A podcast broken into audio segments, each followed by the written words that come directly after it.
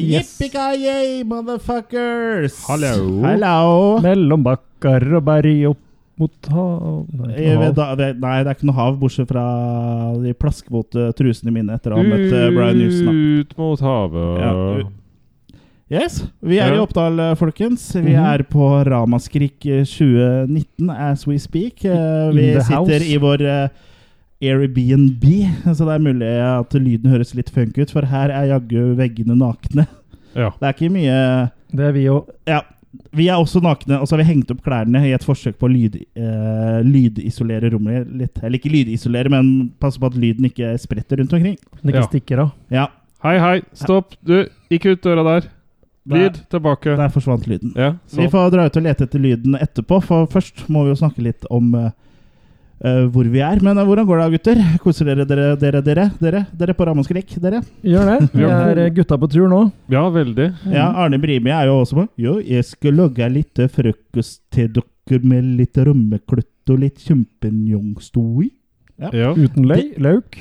Litt av kjøttlauk, mye mye. Vi har lekt oss veldig. Ja, Mm. det har vi. Uh, vi har som da sagt uh, tatt turen til Oppdal, hvor Ramaskrik 2019 uh, arrangeres Akkurat 2019 arrangeres for første gang, men Ramaskrik arrangeres eh, for niende gang. Ja. Eh, så ja, eh, bare sånn eh, kort innpå. Kos dere, dere, dere. dere. Hvordan, hvor mange dere skal man egentlig si når man stiller det Ta, ta alle. Koser dere dere? Koser dere, Dere, dere, dere. dere. Det må være tre. Ja, ja, Ja, minst. mulig. Jeg tar en ekstra. Koser dere, dere, dere, dere. det. Dere, Det ble to ekstra. Ja, og så- det. Og så på spansk. La cosa el coso. ja. Men vi gjør det. Vi eh, har det veldig trivelig her på Ramaskrik. Har det. Eh, Vi eh, har jo lurt på før å ta turen, og nå endelig fikk vi rota oss til å faktisk gjøre det. Ja. Kan vi ikke akkurat si vi angrer. Nei, det er veldig fint. Det er mye hyggelige folk, og må jo si Ramaskrik Nei, stedet heter jo ikke Ramaskrik. Oppdal Ja. har et veldig fint Ramaskrik. kulturhus. Ja, Ja. eh, Ramaskrik eh, kommune har et veldig fint kulturhus. kulturhus. Vi var jo veldig fascinert på veien hit eh, med disse høye fjellene. Mellom kan bakker og berg ut mot havet Det kunne være opp til 1600 meter, eller hvor høyt var det? Tar Ja. jeg litt nå? Nei, det var vel det. Eller var det Ja. 19 Det ene fjellet Tar det som andre? var her, eh, eller som er ved siden av her, var 1900 meter over havet. Ja. Mm. Ja. Så det Så der har vi ikke vært oppå? Vi føler oss Nei. på høyden, for å si det sånn. Ja, og vi er vel sånn ca. 600 meter over havet nå, så vi er litt sånn litt tynn luft her. Ja. Kan, derfor kan vi stemmene våre høres litt annerledes ut. Nå begynner du å snakke sånn her. Men uh, vi har jo har vært her eh, fra torsdag, og når vi spiller inn dette her, så er det lørdag. Eh, så det er jo en uh, lita halv dag igjen i morgen, men vi har egentlig eh, vært gjennom eh, det meste, egentlig. Og da tenkte vi at vi skulle snakke litt om våre opplevelser her på podkasten. Og så har vi også snakka med en del eh, herlige gjester, som du også vil eh, få høre gjennom episoden. Eh, det, det er jo mange filmer som har vært på programmet, og vi har sett mye film. Ja, Veldig mye film. absolutt. Så jeg vet ikke, vi kan jo bare kanskje hoppe rett, eh, rett på Etter Wirkola. Ja, vi kan rette, hoppe rett på etter Wirkola. Det Vi kan jo da snakke om en av de store holdt jeg på å si, trekkplasterne. eh, Og det er jo da Et norgesplaster. et norgesplaster, ja. For det er da remaken av De dødes tjern, som da hadde førpremie- førpremiere her på Ramaskrik da to uker omtrent, vel, før uh, norgespremiere. Ja. Ja. Den var såpass blodfersk at den ikke var helt 100 ferdigstilt Blodet var hadde ikke støknet ennå. Ikke koagulert. Mm. Nei, så det, det var jo en uh, film vi gleda Jeg var litt spent, kanskje, er vel, for vi Avventende. Ja, Mm. men også litt spent på om liksom dette var en remake som da greier å, om den da greier å leve opp til originalen fra 1958. Og ja, vi skal vel ikke avsløre for uh, mye, men uh, det, det som var gøy, da, var at det var jo en førpremiere med Brask og Bram. Og, Hvem er det? Brask og Bram? Er det, Nei, det er filmprodusenter. Okay. Sånn à la Ja, Bram og vennene. Brask og Bram AS. Ja. Mm. Mm. Så um, regissør Nina Bull Robsam og skuespiller uh, Iben Akerli uh, overvar jo premieren. Og jeg var så heldig å kunne ta et par ord med Iben, så det kan vi høre på nå. Iben Hakeli, nå er vi på Ramaskrik og overvært førpremiere av eh, De dødes tjern. Hvordan uh, syns du det har gått? Eh, jeg har jo ikke vært i salen, men jeg har fått stemningsrapporten, og den var visst veldig, veldig god. Eh, så jeg gleder meg bare selv til å se film. Ja, du spiller jo det som vi på fagspråket kaller en final girl. En jente som, uh, uten å spoile for mye, da, men er hovedpersonen i en skrekkfilm. Hvordan har det vært å spille i en uh, skrekkfilm? Veldig gøy. Første skrekkfilm for min del. Mye første Altså første gang jeg har skjøt på film. Uh, første altså, alle komponentene gjorde bare Det var veldig liksom teknisk, stilistisk, veldig sånne komponenter som det, som gjorde det liksom annerledes og kult, ikke minst. Um, veldig liksom Det er ganske akutt å skute på film. At man liksom må Man må være veldig der og da. Så det gjorde jo liksom noe med stemningen og med, med filmen, da. Uh, men så er det ikke så skummelt å lage skrekkfilm, må jeg innrømme. Men fysisk krevende er det kanskje? Ja, det er det. Det er det. Det her er jo mye, mye vann, mye Jeg kaller det vannstunts, er det jo faktisk. Um, Uh, og ja, det var nytt og krevende. Er det, hva er ditt forhold til uh, den originale filmen 'De dødes skjerm' fra 1958? Har du sett den? Ja, det er null. Jeg har verken lest boken eller sett filmen. Som var litt sånn jeg ikke hadde gjort det altså, Jeg har jo vært, snakket med Nini lenge om denne filmen. Og når jeg da ikke hadde gjort det, så skulle jeg heller ikke gjøre det. på en måte Fordi det prosjektet vi var i gang med, var noe helt annet. Men nå vi snakket faktisk nettopp om det, altså, nå burde jeg jo egentlig gå tilbake og se filmen og lese boken og se hva jeg har vært med på, egentlig. Men, øh, men det er og alltid vært øh, uten sammenligning, da, som vi sier. Men man, man skjønner jo at folk spør, selvfølgelig. Men øh, ja, null. Ikke noe forhold. Ja, for det, det er jo en eh, kulturarv. Det er jo eh, Originalen er jo en av de første skrekkfilmene de norske, En av de første norske skrekkfilmene. Du er ikke redd for å trå noen på tærne? Nei. Nei. Hvordan er ditt forhold eh, til skrekkfilmer generelt? Er det noe du liker å se på sjøl? Altså, jeg har alltid pleid å si at jeg ikke ser skrekkfilmer, men jeg, også når jeg begynte å snakke med Ninni, så hadde vi så utrolig mange samme referanser. Så jeg bare Som vi også kaller jo The Dødskjernen her egentlig ikke en skrekk... Vi kaller det en trill... Altså en um, hva heter det, psykologisk thriller. Og mine, liksom, noen av mine yndlingsfilmer, som også viser seg å være Ninnis filmer, som også viser seg å være liksom, store referanser til denne filmen, er jo liksom The Gift, What Lies Beneath uh, Altså de type filmene som er liksom mer suspensfilmer. Uh, som begge for meg er liksom sånn noen av mine topp yndlingsfilmer generelt. Og så har liksom mer blitt satt i konteksten at det kan kalles skrekkfilm. Men øh, nei, er ikke, forholdet er ikke dyptgående. Er sikkert de fleste av lytterne dine, om ikke alle, har liksom en veldig mye tyngre, tyngre skrekksekk enn det jeg har. Men Har du en som er sånn absolutt favoritt? Altså det er nok What Lies Beneath ser jeg liksom igjen og igjen. Shining. Carrie. Altså sånn, veldig mye sånn klassisk Rosemary's Baby òg. Um, det er jo klassikere alle sammen, så det er veldig høye på suspense. Ja, ikke sant. Men det er jo liksom kanskje mer suspens enn liksom sånn splatter um. Men jeg husker, jeg husker meg så Bad Taste, da. Back in the days. Det, jo, det gjør jo et herlig inntrykk, det òg, på en måte. Ja, det er jo jævlig moro, da. Ja, så alt er jo gøy. Men, men det er kanskje fordi jeg tenker at det er så mye jeg ikke vet om. Og når jeg begynner å snakke om det, så har jeg jo likevel liksom Jeg er oppdatert, da. I hvert fall. Ja. De dødes uh, skjern uh, 2019, det var jo den første filmen vi vel egentlig så uh, da vi kom. Eller nei, vi hadde kanskje rukket å klemme inn en uh, i forkant. Men i hvert fall, det var i hvert fall den første dagen. Ja, det var det ja. absolutt. Mm. Så jeg vet ikke hva, hva syns dere om De dødes skjern av dere, uten å spoile for mye, da. Så lytterne bør ikke være redd for at vi skal spoile noe her. Så fortsett å høre. Ja, Eh, den holder seg til kanskje originalmanusboka Boka? Kontra den andre filmen. Ja. Uten at jeg har lest boka, da. Men, den føltes, men likevel så kan du si det. Men den føltes annerledes enn filmen. da Så enten ja. så følger ingen av den boka, eller så følger den andre boka best. Og regissøren eh, Ninni Bull Ropsom sa vel eh, under Q&A som var etterpå, at hun på en måte prøvde å skille seg både litt fra filmen og øh, boka. Mm. Så nå har hun da boka filmen annenhver helg. ja, ja, riktig. Ja, det er sånn delt ansvar. Ja, delt ansvar. Ja. Omsorg. Mm. Det var veldig mye fint foto her. Man har fått ja. veldig proffe mm. folk på sånne ting. Det er veldig bra produsert. Det det. Og mm. veldig vakkert med liksom natur og Mm. Og, og skutt sånn veldig sånn som en moderne film, egentlig. Men det er Ja. veldig fine bilder, da. Og Ja, Ja, og skutt på 35 mm. Ja, det Ja, ikke på- minst. Den Ja. er jo faktisk skutt på film. Mm. Ja. Så det, det er jo imponerende at de har gått for det.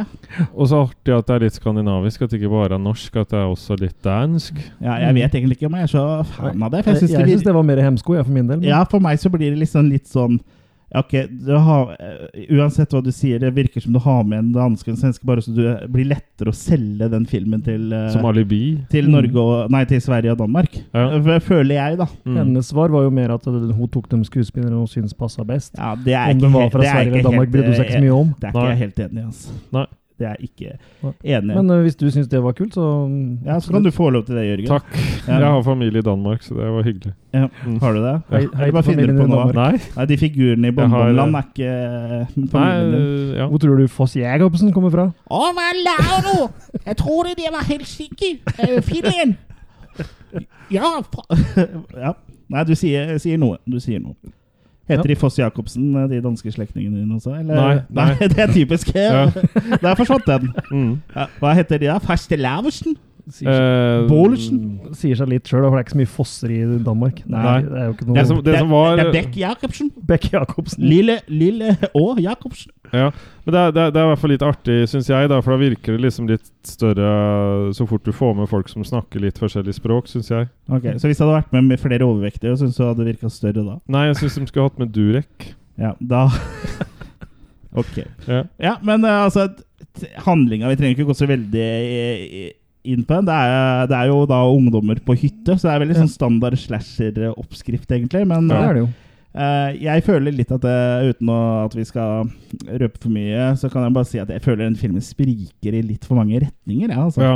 Den, Mm. for, den, Vi kan jo begynne med den hytta de er på, da, som er så avsidesliggende at de ikke kan gå derfra. For det er umulig å på, til beins forflytte seg vekk fra den hytta. Men du Men de vet selv sjøl hvor langt det kan være å gå, Men han, Kurt. men han er innlagt vann og klosett og bidé, Ja. med en utlagt tarm, da. og det er, mo, det er mobildekning der. Så langt unna sivilisasjonen er den hytta. Mm. Ja, ikke sant. ja. Men det kan jo hende at de har like Som Jørgen sier, at de er like glad i å gå som deg. Ja, det er mulig, det. Du har det med Eh, føl... Liksom bare Å, å vi holder på å bli drept og sånn, men åh, jeg orker ikke å gå. du har det her med følt avstand, akkurat som følt temperatur. vet du. Ja. De, de har ikke lyst til å gå så langt. Ja.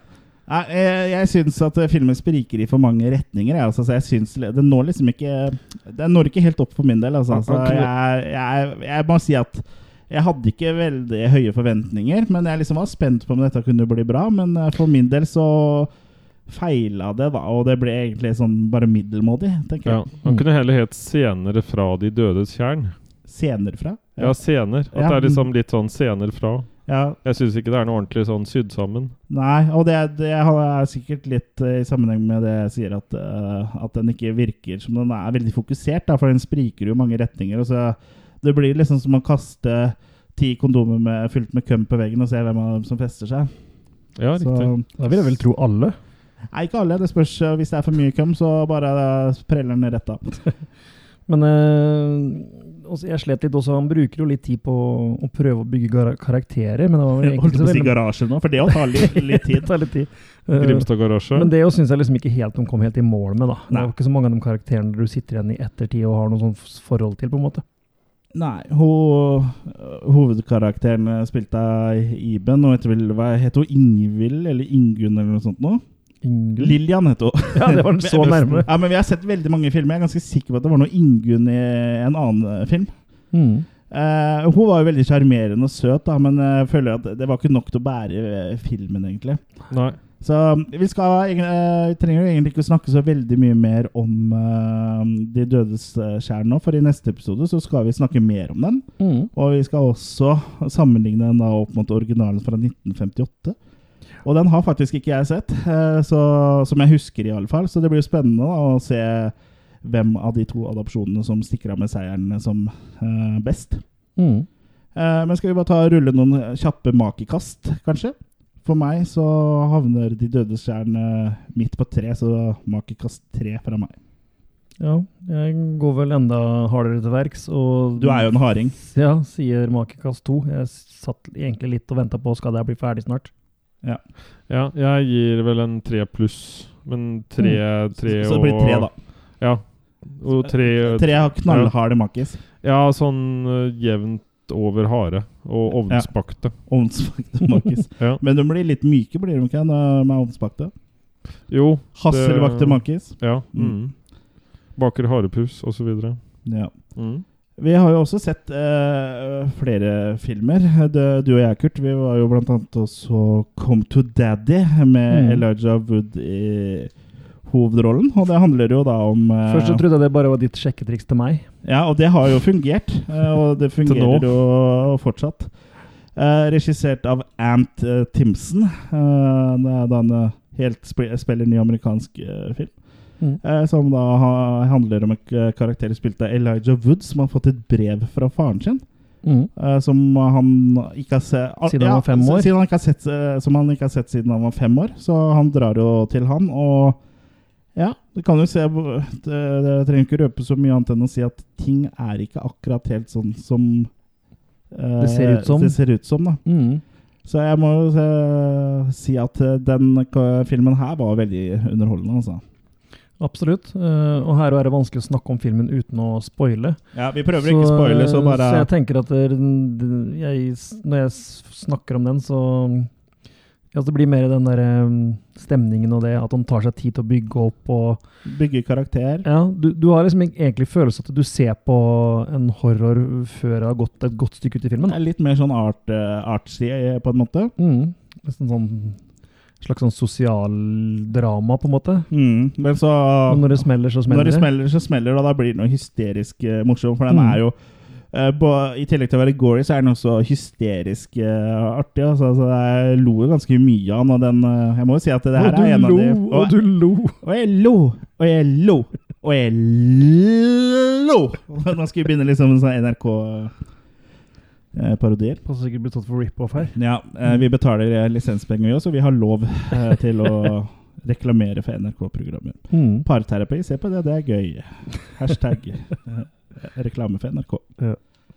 Nei da, men han fungerte absolutt den. Og Elijah Wood er jo en fyr som uh, har gjort seg bemerka i horror etter at han var ferdig med disse Hobbit-anticsene sine. jeg på si. Ja, han var jo, det var jo med som sånn der rømt mentalpasient i Sin City. Etter det så har han jo vært med ganske mye, blant annet som uh, eh, hovedrollen i, i remaken av Maniac. Mm. Jeg syns egentlig han gjør en ganske bra jobb i de fleste horrorfilmer han er med i. Altså. Ja da. Han, er, eh, han har et hjerte for eh, faget. Og et hjerte av gull.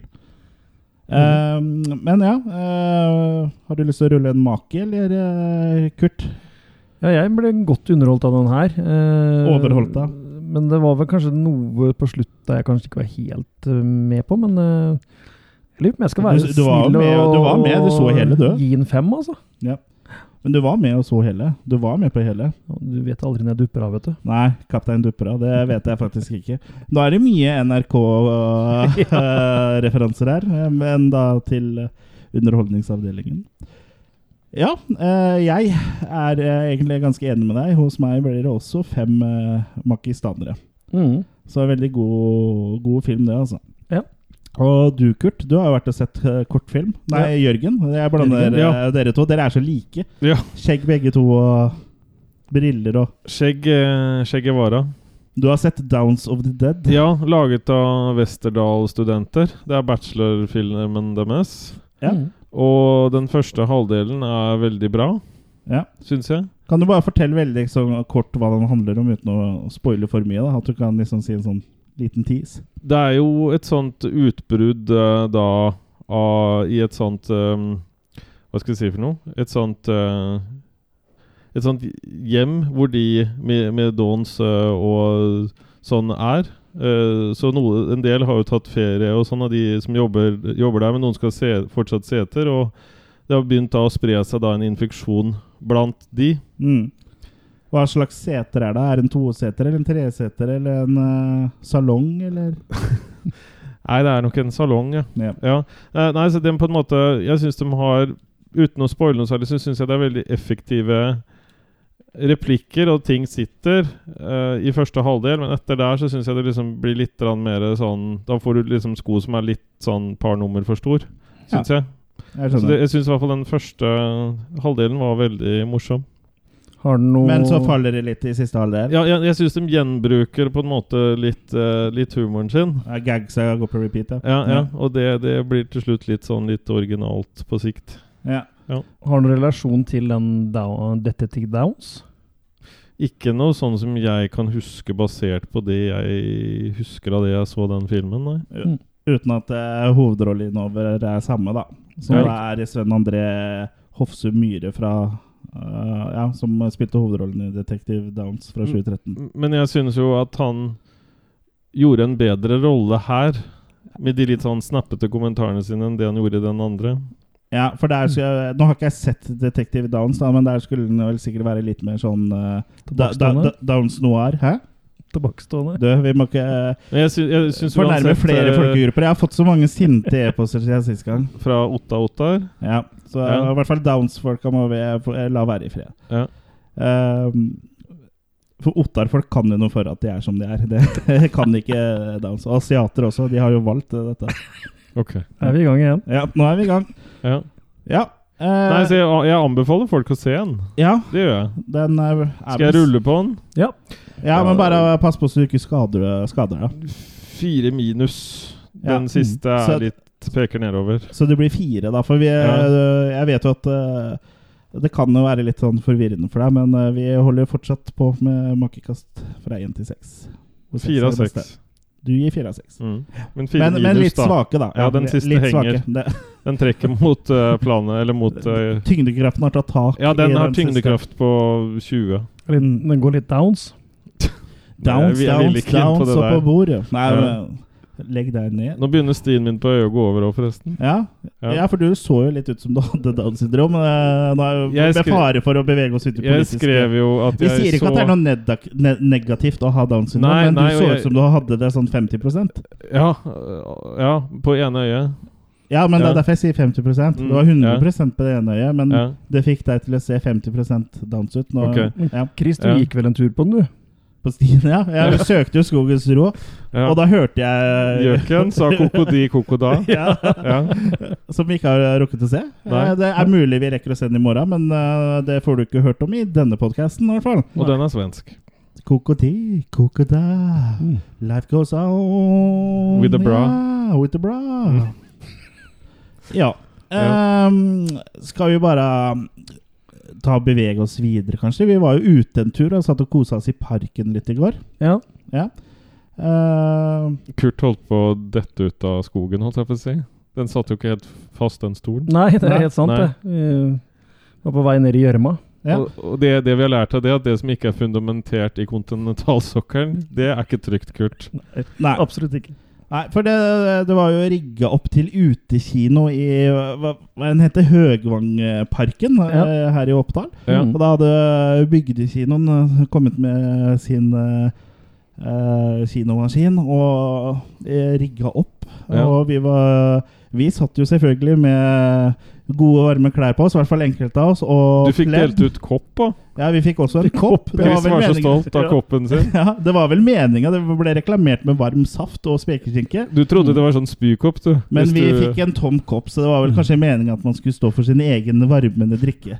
Så jeg tok jo da og uh, urinerte og ejakulerte litt i den koppen og slurpa i meg det med stor iver mens jeg så Derfor du holdt varmen. da på fritt vilt. Ja, og så Ja. var jo jeg såpass lur at jeg hadde tatt på meg skibukse og kledd meg litt for anledningen, da, i motsetning til visse andre. Visse andre har ikke skibukse. Nei, men uh, du koppen- kan kjøpe deg Pierre Robert. Men den Ja. koppen var fin, for den var laga av sånn styrofoam. Så, du, eh, ja, så den brukte jeg som hanske. på penis. Såpass. Så der holdt jeg varmen. Men Fritt vilt er jo da regissert av uh, Roar Roar, Uthaug. Roar Uthaug. Og ja, vi var jo Jeg var så heldig at jeg også fikk tatt en prat med han om hvordan eh, det er å få eh, satt opp fritt vilt da, i naturskjønne omgivelser i Oppdal. Hei, jeg heter Roar Uthaug, regissør av Fritt vilt og Snørr, og du hører på Attack of the Killer Cast. Fritt vilt eh, vises jo på utekino her i Oppdal blant eh, fjell og daler. Det må jo være litt sånn spesiell setting å se filmen i. Hva tenker du om det? Jeg tenker det er jo en perfekt setting å se Fritt vilt i, da. Blant de her eh, fjelltoppene her, og eh, være såpass tett på der filmen utspiller seg, så det er kjempegøy. Eh, Fritt vilt er, vel eh, den eh, første sånn ordentlige norske slasherfilmen. I hvert fall med liksom det Alt det man forventer av en skrekk Eller av en slasher, med kli- klisjeer og alt. Hvordan Var det eller også noe du liksom gikk for når du skulle lage Fritt vilt? At du ville lage en sånn skikkelig, skikkelig slasher, liksom? Ja, det var veldig bevisst. At vi eh, ikke skulle prøve å liksom lage det for sånn arty eller uh, rart eller noe sånt. Vi skulle gjøre en streit fram slasherfilm på norsk. Og da ble det norske snødekte fjella som, uh, som ble kulissene for det. Ja, jeg syns jo det er litt gøy å ta på en måte da en typisk mer amerikansk sjanger, da, og sette det i et sånn erkenorsk setting. Litt som vi også gjorde med Bølgen i Geirangerfjorden, eh, og med Fritt vilt da på eh, Påskefjellet, på en måte. Eh, så jeg syns det blir en morsom kombo, pluss at du får masse gratis da, i production value av den norske naturen. Ja, og det har jo fungert, for det har jo ført deg til eh, Hollywood. Hvordan, og du har jo regissert eh, Tomb Raider. Hvordan har ditt møte med Hollywood eh, vært? Nei, det, har vært, eh, det var en morsom opplevelse, det. Eh, Det er jo et mye større maskineri der enn her hjemme. Så her hjemme blir du mer en sånn familie som drar på tur og lager film, mens der er det jo mer en større industri. Eh, Men veldig gøy å få leke seg med alle de ressursene som man får tilgjengelig eh, på en sånn produksjon. Ja, det var jo et eh, gøy gjensyn med Fritt vilt. og Jeg må jo si at det var ganske artig å se den Uh, ute i holdt på å si i snien, men det var jo ikke noe snø. Men uh, ute i kulda, da. Men det var liksom sånn fin ramme for alt sammen. Eh, du hadde ikke sett Fritt vilt fra før, eh, Kurt? Jeg hadde ikke det, så det var jo gøy å få se en eh, for første gang i en sånn setting, da. Så selv om jeg holdt på å fryse Nøttene. remmer og tøy av meg, så, så var det jo Det er ikke anbefalt å fryse av seg tøyet når du skal, Men jeg holdt, når, når du skal fryse, holdt jeg på å si. jeg holdt Men nå, er- ut! nå er Kurt lusefri, i hvert fall. ja. Mm. Så jeg holdt ut og ble underholdt. Så Ja. absolutt eh, kul eh, norsk slasher, eh, faktisk. Så For, ja, for de som ikke kjenner til Fritt vilt, da, det, den kom i 2006. så Jeg vil jo tro at de fleste lyttere kanskje i hvert fall har fått med seg hva dette handler om. Men Mm. Er jo rett og slett en gjeng med ungdommer da, selvfølgelig, som er ute på skitur. Og så er det en av de som eh, brekker beinet. De finner et gammelt forlatt høyfjellshotell. du sa det Men det de er- a leg, sa de. Ja, Men eh, det høyfjellshotellet er selvfølgelig ikke helt tomt. For der er jo en som eh, liker å drepe folk. Ja. som eh, trasker rundt, da. Trodde lenge det var Roald Amundsen, jeg. Fritt vilt er jo egentlig den første Ja, som jeg sa i intervjuet med Roar, det er jo den første eh, på en måte sånn skikkelige slasherfilmer. da, For den har liksom alle de tropesa som man forventer av en slasherfilm. En sånn stor, høy uh, uh, morder da, som ikke sier så mye. og Du har kanskje ikke de stereotypiske karakterene, men du har litt sånn eh, Det er litt, da. Litt. den promiskuøsiteten, og du har Final Girl, og det er liksom Ja. Ja, det er litt, men liksom Men det hadde, kunne fort blitt litt for parodisk, da. Men den, den er liksom på en måte I forhold til Villmark, da, som er veldig sånn en blanding mellom øh, slasher og sånn sosiale realisme, øh, dramafilm, så er øh, Fritt vilt egentlig mer en, øh, en slasher av den amerikanske typen, da, med norsk tale, jeg vil jeg Mm. egentlig si. Mm. Og selve morderen nå minner jo egentlig litt om uh, han i My Bloody Valentine, for han går jo rundt med en sånn svær uh, hakke. Hakkebakkeskogen. Ja. Det er den nye slasheren. Ja. ja Hakkeslasherskogen. fredag den 13. i Hakkebakkeskogen. Ja. Men ja, jeg, eh, det var lenge siden jeg hadde sett den, så det var gøy å se den igjen. Jeg syns eh, den eh, leverer bra. Ja. Så jeg synes den er, det er jo ikke uten grunn at den har fått to oppfølgere, faktisk. Det er faktisk en slasher-trilogi. Det har vi ikke Mm. så mange av i Norge. Nei. Så, Nei, jeg nevner i fleng. Fritt vilt. Ja. vi har Villmark. Hvis de får en til, så blir det jo en trilogi, da. Men Vi skulle ikke gått ned til det vi skulle aldri ha gått ned til det vannet. Nei. Er Eller vi skulle aldri ha gått opp til det høyfjellshotellet. Ja. Ja, nei, Ja. jeg likte godt Fritt vilt, altså. Der hadde jeg litt sånn issues med at de gikk på ski dit, men det var umulig å gå derifra igjen. ja, nei, det var jo liksom uh, på grunn av han som uh, brakk beinet, da. Men uh, ja. vi trenger ikke spoile for mye av den heller, men vi kan spoile litt. Det er jo en som prøver å dra for å hente hjelp. Mm. Og hvis du har sett en slasher før, så vet du åssen det går. Mm. Eh, ja, eh, Jørgen Frittvilt, hva syns du om den? Det er jo en eh, bra og underholdende film, og med ålreite karakterer. Det er, Ja. det er jo da godt og meget godt, som er da med i filmen. Ikke noe smågodt. Nei.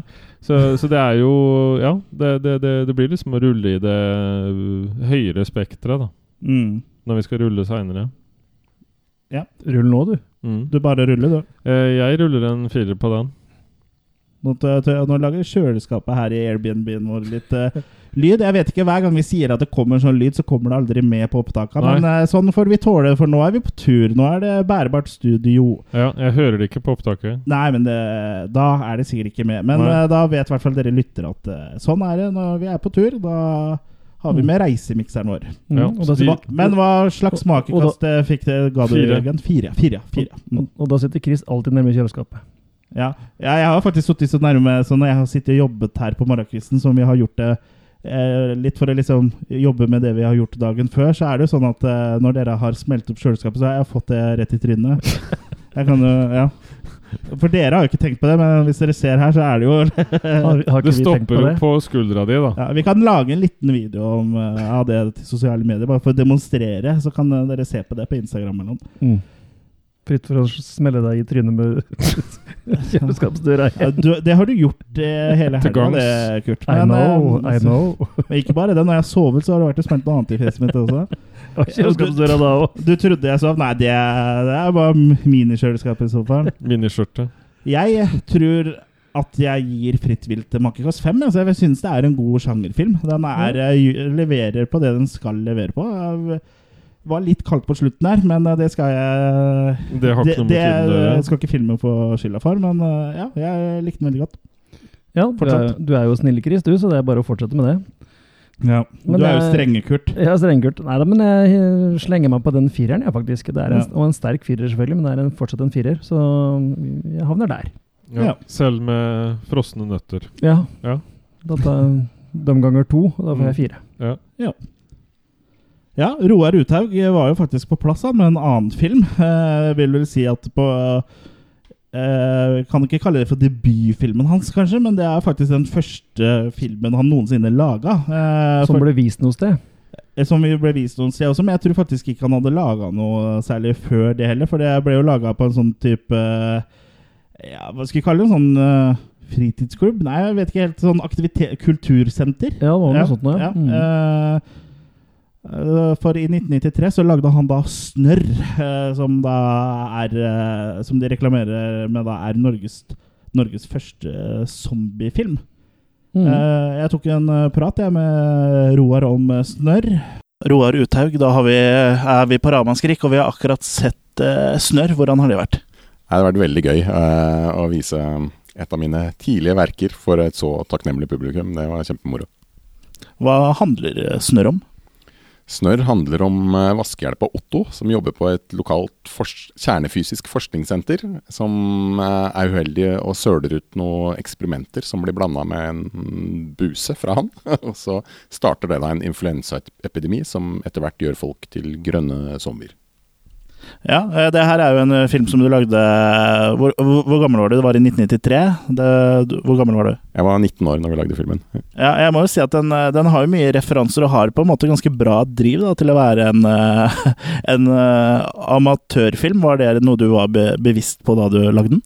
Takk for det. Eh, nei, det veit jeg ikke, men eh, jeg hadde jo masse sånn hva skal jeg si, fortellerglede som jeg håper eh, skinner gjennom i filmen. Og var jo, elska jo eh, ja, den type filmer. Altså Reanimator og Toxic Avenger og Romero-filmen og sånt noe. Så den er jo sterkt inspirert av det. da. Det er noen år siden, siden sist filmen ble vist på festival, vil jeg tro. Hvordan er, er, hvordan er det at den ble, Er det moro at den blir nå satt opp på Ramaskrik? Ja, det er jo kjempemoro. Eh, kjempegøy å se den igjen, og se den igjen med et publikum. Eh, og et så entusiastisk publikum som var her, var også veldig gøy. Sjelden har vel du snakka med noen om et tema du har vært mer glad i enn om, den, om snørr? Ja, ja, vi møttes litt over, over det temaet her. Altså, det ble, ble det, det hindre i øya på oss begge der, for å si det sånn. Det, jeg tror vi connecta uh, over Mhm. snørr. Ja. Du kjøpte sånn slim, du, som du bare hang ut av nesa? Jeg trengte ikke det, jeg produserte mitt eget slim. Jeg. okay. Så jeg trengte ja. bare tilsette litt sånn eh, grønnfargede. Skjønner. Eller spise litt asparges. Ja.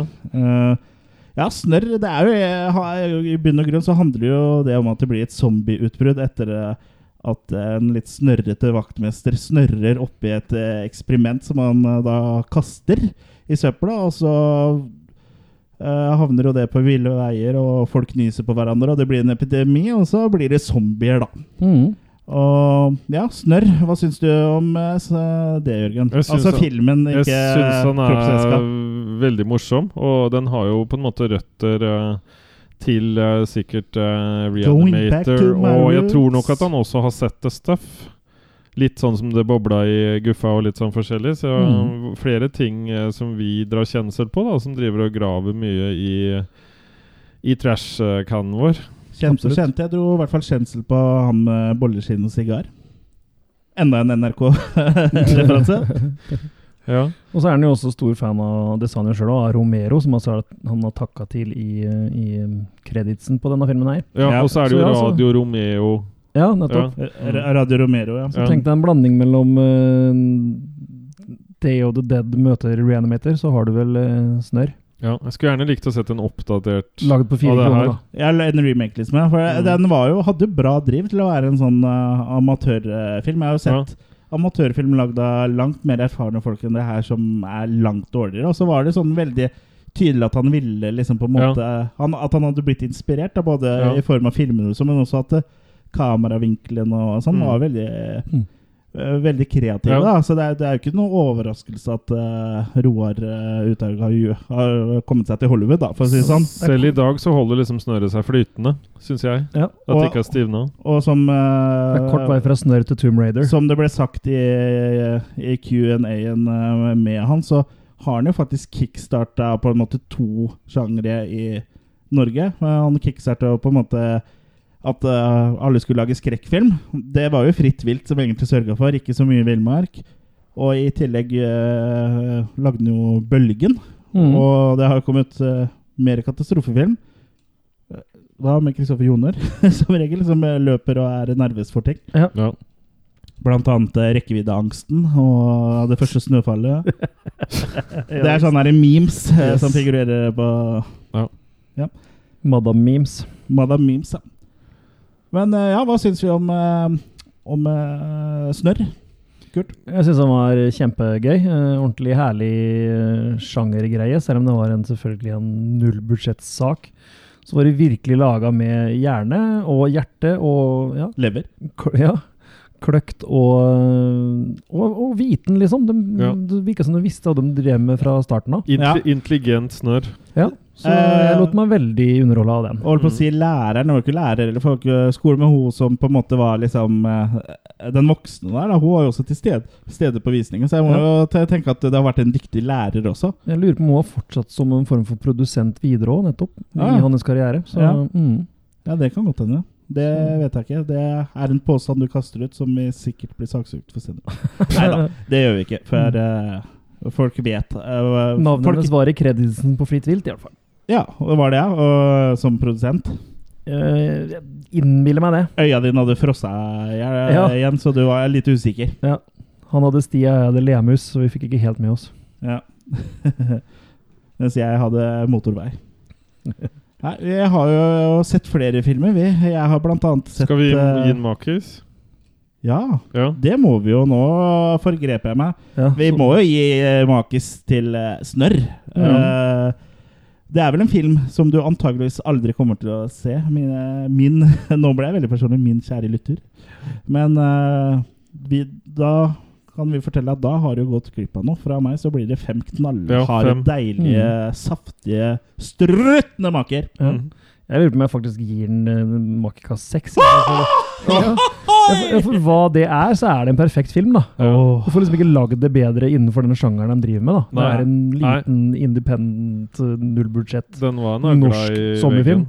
Så det er den beste i den sjangeren jeg har sett. Det var spikersed, for å si det sånn. Ja, den var veldig, veldig god. Veldig gøy. Så, fått til veldig mye med lite midler, da. Mm. Og imponerende at det er laga av uh, Snørr. Og, og veldig morsomt spilt av de amatørfolka som var med, liksom. Ja, han hovedrolleinnehaveren Ja. jo spilte litt dårlig, men samtidig litt bra. For det var, var litt sånn Cheesy. Ja. litt sånn cheesy. li- Og han ligna litt på Jeffrey Combs uh, i Reanimator, uh, som er Herbert West. Og, Ja. og, og så sa jo Roar også at han lot seg inspirere litt av Melvin uh, the Mopboy fra Toxic Avenger. Så han var liksom på en måte en blanding av de to. da Det Mm. synes jeg funka ganske bra. Han så liksom kanskje mer ut som Herbert West, men oppførte seg litt mer som Melvin. Mm. Ja. Ja. Han har skjønt hva han skulle, i hvert fall. Ja, det var jo veldig morsomt.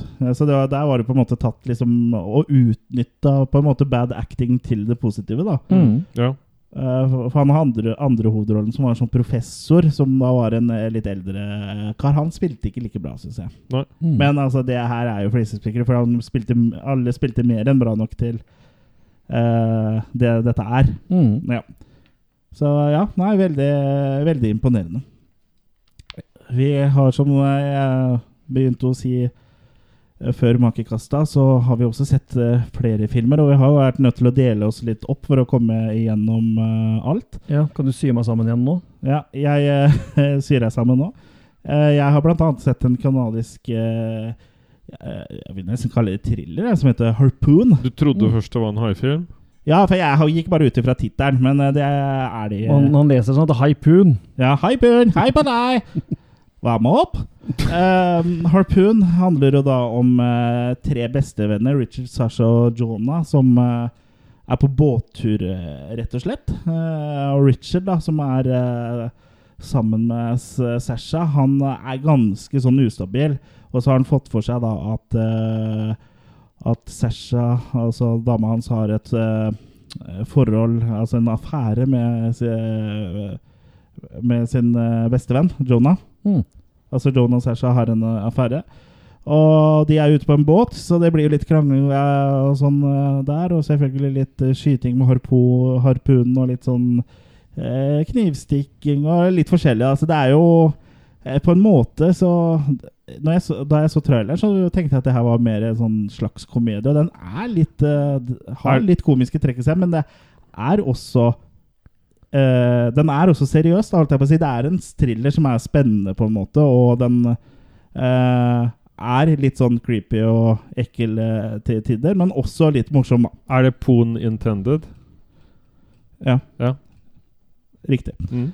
Eh, så jeg vil jo si at eh, den er, d- hele filmen foregår jo da på en båt midt ute på havet. eh, på Atlanterhavet. Så her òg har de jo gjort mye med lite, da, og det blir aldri kjedelig, liksom. Det er eh, intenst og spennende og kult. Mm. Eh, så det her eh, er en film som eh, eh, harpunerte mine herremaker, eh, for å si det sånn. Og sånn at jeg kunne pierce brystvortene sammen og bare dra til kjettingen, sånn at jeg fikk en sånn skikkelig flott herremakerkløft. Mm. Mm. Ja, det skal jeg etterpå. Ja. Så skal du stå under og kile meg med en lang strutsefjær. Det er lørdag, tross alt. Stakefjær ble vi enige om. ja stakefjær. Ja. Ja. Ja, det er lørdag, tross alt. Men um, Så ja. den harpun, da, med andre ord. ja den, ikke, det går fra en myk pun til en hard pund. Ja. Nei, så nå er vi morsomme. Nå tror jeg lytterne ligger og ruller av latter. De gisper, faktisk. Ja. Så vi må, nå må vi nesten bare rykke ut i eh, og ambulansen. Gi dem en pause. Ja, jeg tror ikke alle lytterne våre sitter oppå det fjellet som er 1900 meter over havet Jo. og hører på oss. Ja, for det, er- det. er kun der podkasten er tilgjengelig. Ja, Der er det det sånn- En sånn liten sånn eh, iPod-stolpe kan vi sette opp en sånn slags eh, Hvor du kan plugge inn headsetet ditt, og så går denne podkasten som kontinuerlig der. Ja, og så er det Oppdal digital lyd. Mm. Mm. Presented in Optal Digital Sound. Wow. Mm. Ja, men Ja. eh, makekast eh, 50, den altså. er veldig bra. Eh, Sett mye bra film, altså. Og den her eh, Du liker deg på unntak. havet. Ut mot havet Jeg er jo eh, En på, havets gutt. ja, Jeg er på mange Man. måter liksom denne Du er vår de, Ernest Hemingway. Ja, er denne podkastens Kaptein Sabeltann, egentlig. Ja. Når jeg lukter gull, så setter vi oss i elbilen og kjører mot Oppdal. Hiv ohoi! Ja. ja. Uh, jeg fikk et lite drypp, tror jeg. Men eh, mens jeg går og sjekker ut det, så kan jo du kanskje snakke litt om eh, Memory, the origins, origins of Alien. Det er vanskelig å si. Skal vi snakke litt om den, Kurt? Vi kan prøve. Ja. Ja, for den så jo begge dere to. Ja. Sånn delvis, i hvert fall. Du sovna litt. Den, eh, den uh, var, ble litt sånn langtekkelig, syns jeg. Ja, Selv om den hadde interessante ting. Jeg hadde hørt på forhånd nå at han var ikke sånn overbra. Nei, for I sannhetens navn så var jo det her noe av det jeg gleder meg mest til, egentlig. Å se Ja. altså rett og slett en ny slags dokumentar som tar et ordentlig dypdykk i ja da, The Origins of Alien. Ja. Hva, hva er sannhetens navn, egentlig? Kåre? Marius? Marius. Ja. Ja. ja. Nei, det er Sann. ja. Ja, sannheten. Mm. Sannheten, ja. ja. sannheten. ja. Ja. Men, Men, men, eh, i hvert fall, ja, det, det føles litt som en sånn derre Mer en sånn ting du finner på stream eller et eller annet sånt, og sitter og ser i forbifarta mens du skal se kanskje noe annet. Ja, Sånn Litt- følte jeg i hvert fall. Litt sånn som ekstramaterial på en uh, Blu-ray-disk eller noe sånt. Ja. Uh, men de, jeg syns de var veldig flinke til å, å, å, å gå tilbake til det som skjedde lenge før Ridley Scott satt vottene sine i dette. her da. Ja. De har jo gått veldig mye tilbake til Dan og Bannon. De har også gått veldig mye tilbake til uh, uh, alt fra mytologi til å sette den inn i et uh, filmhistorisk perspektiv. Eh, men de kanskje tok litt eh, vel for av når det gjaldt analysering, syns jeg. da. At de Mm. ja, det var litt sånn far-fetched. Mye av det de mente var eh, intensjonene bak mye av ting og tang. Har du et lite eksempel, eller? Eh, jeg er hjertelig dårlig på å gjenfortelle, men Det, det, er ja, en- men Der hvor det så ut som de der menneskene som lå først inni det romskipet som bare på en måte matreservat da, uh, for Ja. de vesenene, trodde først jeg. Men så begynte de å reise opp og gå rundt, og sånn, så liksom så man for seg åssen de gradvis ble til aliens. Det er ikke som man lagde sin egen mytologi med det. Ja. Men i selve dokumentaren så Som var tolka mye, da. Ja, men, her, men de tolka bl.a. én scene hvor Nå husker jeg ikke hvem som hvem av skuespillerne engang. Men da er det én skuespiller som I den samtalen De har jo en sånn samtale rundt bordet der. Det er jo mange som snakker i munnen på hverandre, og du, du må ofte velge sjøl hvem du vil på en måte følge med på og høre med på, for det skjer noe hele tida rundt bordet. Med alle karakterene. Mm. Og da er det en karakter som går fra den ene sida og har en konversasjon der, til å gå på andre sida av bordet og havne litt i bakgrunnen i bildet. Og du mener det var sånn veldig gjort bevisst eh, kontra Jeg husker ikke sammenligning engang, men det var veldig sånn dyptgående analyse. Da, altså hvorfor han går fra den ene sida av det bordet Ja, det ble til det andre. Ja, For på en måte et frampek mot hva som skjer med karakteren, eller hva som skjer Ja, sånne ting som det, liksom. Ja. Det, det tok litt vel av, da. For, Ja. for all del. eh, Mye Det, av det det, kan jo hende. Men, men, uh, men, men det er veldig ofte sånn uh, at det kan tolkes, og at det ikke er feil å tolke sånn, men uh, at det ikke nødvendigvis var intensjonen fra de som eh, ja, lagde filmen. Da var det noe om den eh, spisescenen de har eh, før, uh, Ja. før eh, kommer ut. For det er jo en sånn ganske kjent greie, at den mm. liksom ligner på The Last Supper. da Ja, ikke sant? Ja. Som med Jesus Christ og sånn. Mm, superstar. Hva heter Last Supper på norsk? Dere som har gått til søndagsskole? Den heter eh, The Last Supper. Ok. Siste nattverd. Siste nattverd. ja. Mm. Den kan jeg være med på. Ja. Ja da, og det er nok mye som er eh, meta i den filmen, for all del. Ja. Og når man analyserer den, så analyserer den på en sånn måte at det, de plukker den litt ifra hverandre òg. At den er ikke så originell som vi skal ha det til. Og det kan jeg også sikkert være litt enig i, men samtidig så Er den original, da? er det nok ikke noe bevisst at de har kopiert noe heller. De gikk jo tilbake til en sånn tegneserie på seks sider, Ja, ja. som det skulle angivelig være ganske ja. likt fra. da Ja. Ja. At det var med egg og forskjellig. Egg og Grønne bacon. Ja. Mm. Ikke noe er eh, originelt, på en måte, hvis du virkelig begynner å se etter. Men Hvorfor sier du originelt? eh, vet ikke, jeg kom ikke på det norske ordet. Originalt. Og det er original på uh, engelsk. Ja. Men hvilket språk var du på, da? Jeg oppfinner mine egne ord. Du snakker kult? Ja. ja. Ja. Nei, Jeg men vet, jeg ikke, følte men jeg vet ikke om det det er helt rettferdig å kaste Nei. noen maker på den. Nei, jeg føler vel at eh, det ble for uinteressant for min Ja. del sånn sett. Ja, jeg syns dere kan uh, At uh, du, dere kan prøve, da. Ja, jeg, kan, jeg, jeg havner på tre på det. Ja, så Ja. kan Pål Frosta bare skrive sånn useriøs Ja. uh, makkekast Ja. i, i parentes. Nei, til, til å bare ha sett uh, ca. en tredjedel av, av det, eh, det var det jeg orka å se, så For du måtte bæsje. Du hadde spist en dårlig Eller jeg hadde spist en dårlig burrito som du måtte bæsje. ja, ja, for vi var inne på et sånt sted hvor det bobla i mange sånne burritoer. Og så Mm. fikk jeg noe av det som var på den burritoen, på meg. Så du har blitt en zombie-burrito? Ja. Ja. Uh, nei, så jeg og vet sånn ikke. går nå dagene. Ja, nei, jeg vet ikke jeg, Det jeg syns med den der eh, Origins of Alien Jeg syns det hadde vært kulere om det hadde vært en film enn en dokumentar. Ok. syns jeg. Ja, men da må du ha rettigheter til uh, historien og alt, da. Ja, men jeg kan synes at det var kulere. ja. Ja. Nei, de har rettighetene for å kunne synes det. Men da burde du virkelig likt den delen de hadde laga, da, hvor de lagde disse menneskene du snakka om. For det var Ja. jo deres egen måte å Ja, lage ja, nei, men jeg følte på en måte at det her var litt en fest jeg var invitert til, men hvor ikke jeg fikk vite hva temaet for festen var. Nei. oh, Alien, Mm. Ja. som du er så veldig glad i. Ja. Som I, du ga makekast tre. ja I rest my uh, I en uh, para parallell dimensjon. Ja, nei, men jeg, på, på bakgrunn av det jeg så, så gir jeg det en, en tre. Mm. For Ja. det, var, det var ikke så veldig interessant. Jeg, jeg kunne heller sitte og sett en film om, om dyr, og åssen nattdyr og sånn på en måte har utvikla seg, og kanskje Nei, jeg vet ikke. Jeg følte jeg var litt på feil kanal. Ja, nå resonnerer du uh, rart. Men uh, ikke, greit, ikke for oss som har sett dokumentaren, eller Nei, i hvert fall det vi har sett. for det var mye nattdyr der. Ja. Ja, det var faktisk det. nå Å, ja, okay. noe- Ja, nå sa jeg faktisk noe som var riktig. Ja. Ja, men det var Ja. ingen som har nevnt noen nattdyr her før nå. Nei. Uh, apropos nattdyr, jeg har sett uh, Ghost Killers versus- versus Bloody Mary, som da er en brasiliansk horrorkomedie fra 2018, regissert av Fabricio Bitavere. og det handler jo da om noen sånne der, litt sånn slitne sånn eh, youtubere, egentlig, som på en måte er en sånn slags Ghost Hunter slash Ghostbusters, da, hvor de har sånn YouTube-serie hvor de liksom eh, på en måte jakte opp spøkelser. Eller har vel sett sånn Ghost Hunters og en sånn type serie. Ja. Ja. Men eh, det, Det er eh, spansk Ghostbusters. Portugisisk. Portugisisk. Ja, det er ikke helt Er det det, da. brasiliansk, da? Ja. Nei, det er portugisisk. Som er språket i, i Brasil. Ja, ja. Det samme det. Den er jo fortsatt uh, portugisisk. Det er jo ikke det, Den er ikke fra Portugal, han er fra Brasil. Ja. Ja. Men uh, samme av Det er to forskjellige land, der vet du. Jeg kan lære deg litt om geografi etterpå. Ja, du har ikke lyst til å være med i podkasten mer? Døra er der. uh, jeg så bare at det sto portugisisk tale, men den er Ja, brasiliansk, da. Hmm. Eh, men uansett, han heter fortsatt Fabricio Bitær. ja. Og det handler jo fortsatt om eh, sånne Ghost Hunters da, som eh, prøver å tjene penger på å lage video på YouTube, men de er, det er De faker og ting, og det er veldig lite imponerende, greiene så seertallene går jo da nedover.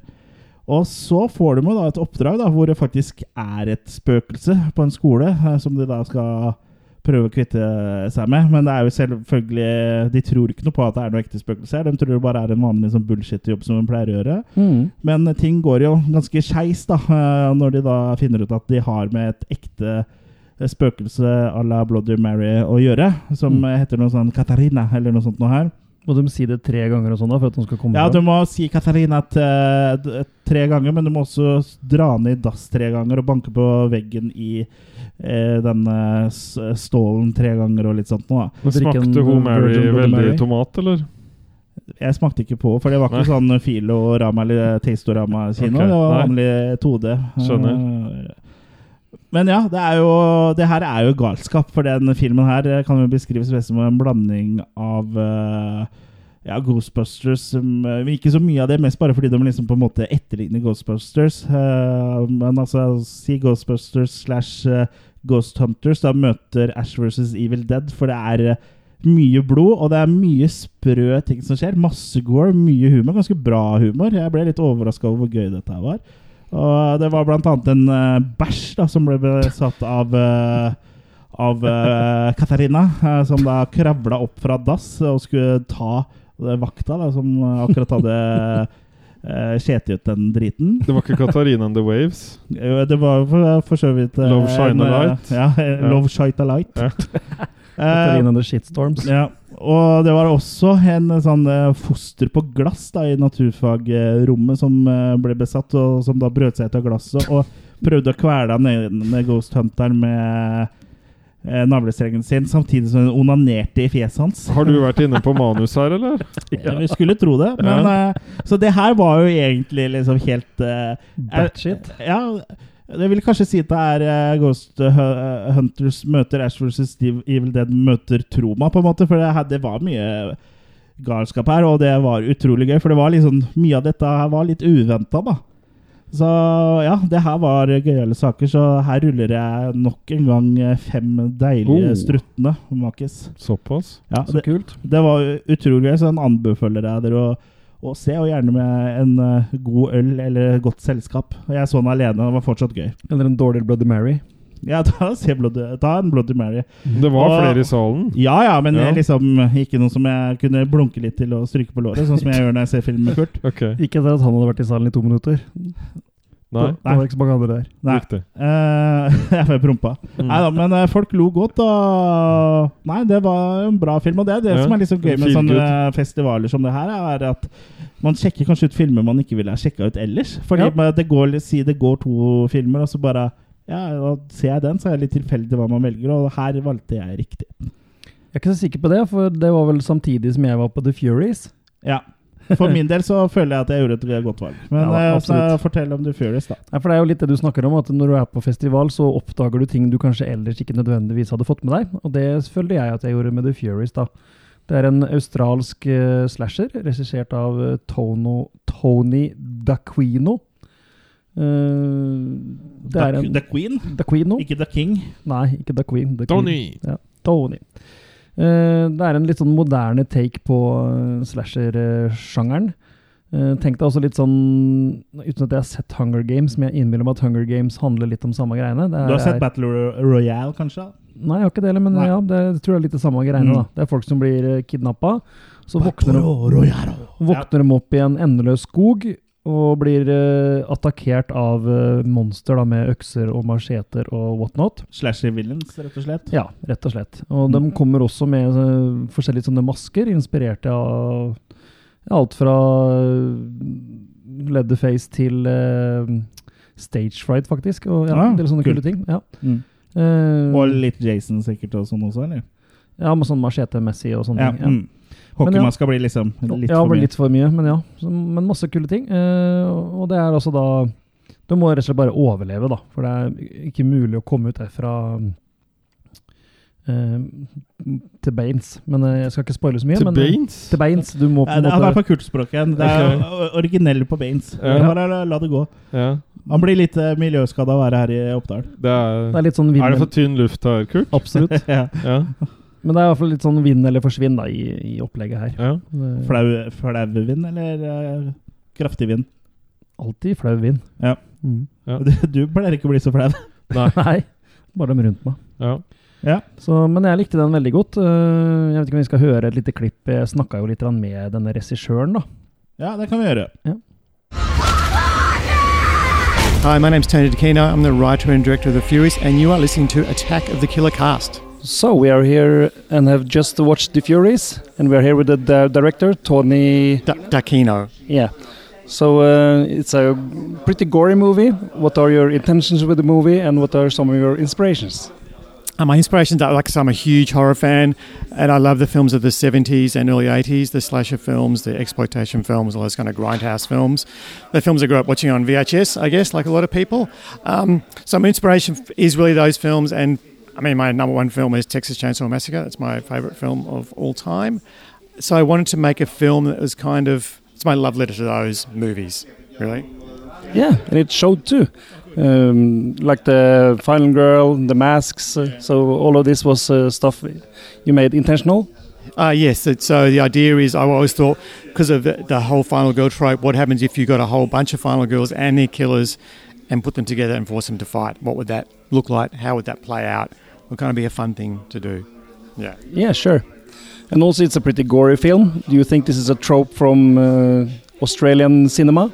Um, yeah, I guess I haven't really thought about it, but a few people have said that. I think um, there is, uh, I guess, the exploitation subgenre. There is, we do can be can be a bit more extreme, um, and probably because we're such a small country to help get the films noticed, it does help. But um, I did, I love practical effects, so I really wanted to. Um, make a film where I could do some extreme practical effects just because I wanted to do them. Um, and um, yeah, as, as in those films happened, like like Tom Savini style stuff, and try and go above and beyond that and see what we could do. Yeah, you told about this uh, in the um, before the movie. So it's all practical effects. Uh, all practical effects. There's a little bit of CGI in the. You'll see in the uh, eye stuff when it looks like an implant, and in the um, did tidy up some of the practical effects. But apart from that, it's all practical. It's all we all did it all on set. Yeah. Oh, really cool and really cool settings too. Sorry. Really cool settings. Oh, thank you. Yeah, so the town, um, the location for the film, the old gold mining town and the Ghost Gum Forest is all a real location. The gold mining town is there. It was built in the 70s as a kind of tourist resort and failed abysmally. So the owners just kind of walked away from it and left all the buildings there, all the props. So kind of been rotting for 40 years. So it was perfect for us to use, a, I mean, perfect for a low budget film to come in and there's this set we can use surrounded by really spooky ghost gum forests that we basically were able to just rent very cheaply for the month to shoot the film. So it was a perfect location for us. Yeah, and it looked great too. And also, do you know anything about the Norwegian movie, Norwegian horror? Well, I've seen, of course, Troll Hunter and um, Cold Prey. I've seen, and I saw the film that was here on opening night, um, Lake of the Dead. Lake of the Dead, yeah. So a little bit, not not a lot, but I think here's um, a lot more Norwegian horror films being made at the moment. Is there kind of an uprise? Yeah, because he didn't make horror films for a long time. Is that right? Um, both yes and no. Uh, we have just not been uh, very good at it, but now we are starting to get there. So yeah. Ja, som sagt så øh, likte jeg denne filmen veldig godt. Øh, en av de høydepunktene for meg i, i denne omgang. Ja. Så jeg kan jo avslutte med å bare rulle en sterk øh, En sterk maker, holdt jeg på å si. Fem maker til The Furies. Det er mye femmer ute og går her, altså. Det er det. Ja. ja. Ja. I år så er det jo ti år siden Filmjunkiene starta. The Junks. The Junks, The ja. Junks. ja. Så i den forbindelse så har jo også uh, Alexander uh, Serigstad, altså 50% av junkiene, har da tatt med seg sin nyeste episode opp eh, her da til uh, Ramaskrik. Det er den episode som da kommer om uh, ca. to uker. Mm, episode 50. Episode 50, ja, så er det lite jubileum i den forbindelse, og denne gangen har de laga en dokumentar. Jeg er Alexander U. Serigstad, regissør av Norwegian FX og del av webserien Filmjunkene, og du hører på Attack of the Killer Cast. Da sitter vi her med Alex fra Filmjunkene. Vi har akkurat eh, sett uh, jubileumsepisoden sånn før tida. Så velkommen til Attack of the Killercast. Tusen takk. Du er jo ikke akkurat noe ny, eh, nytt navn i våre kretser. Nei, jeg har jo dukka opp i et par av episodene deres før. eh, Fredag den 13. og julespesialen, var det vel? eh? Stemmer. Pluss at du har vel vært med og hjulpet til med å lage oppdatert musikk for oss. Stemmer det. Det var meg og Ivar mekka en oppdatert eh, versjon av Attack of the Killer Cast-teamen. Stemmer. Men nå er du her også for dere feirer ti år, så du kan jo fortelle litt rundt det. Ja, nei, det er jo ti år siden meg og Ivar starta webserien eh, Filmjunkene på YouTube. Og eh, det tenkte vi vi måtte markere med en eh, halvtimes eh, dokumentar om eh, våre ti år på YouTube. Og eh, hvor det hele starta, og eh, hvor det har eh, ført oss hen, da. Ja, absolutt. Og det var jo en skikkelig kul episode, det, som alt annet dere har lagd, egentlig. Ja, tusen Så takk. dere blir jo bare flinkere og flinkere, så Kult å høre. kjempekult. Eh, Men ja, fortell gjerne litt fra starten. Åssen begynte det hele? Nei, det var eh, meg og Ivar eh, så jo veldig mye på YouTube. Vi begynte å se mer og mer på YouTube, og kom til et punkt der jeg så mer på YouTube enn vanlig lineær TV. Sånn typisk rundt 2008-2009 kom liksom webserier som The Cinema Snob, Angry Video Game Nerd. Og de tok jo for seg nisjeting som vi var spesielt interessert i. Ikke sant? B-film og kultfilm, skrekkfilm eller dårlige gamle eh, PC-spill og Nintendo-spill og sånne ting. liksom. Så du at du kan jo rett og slett lage Altså YouTube viste liksom at du har en enorm frihet der til å liksom bare eh, Du kan jo basically lage ditt eget TV-show og få det ut til hele verden, liksom. Ja, ja.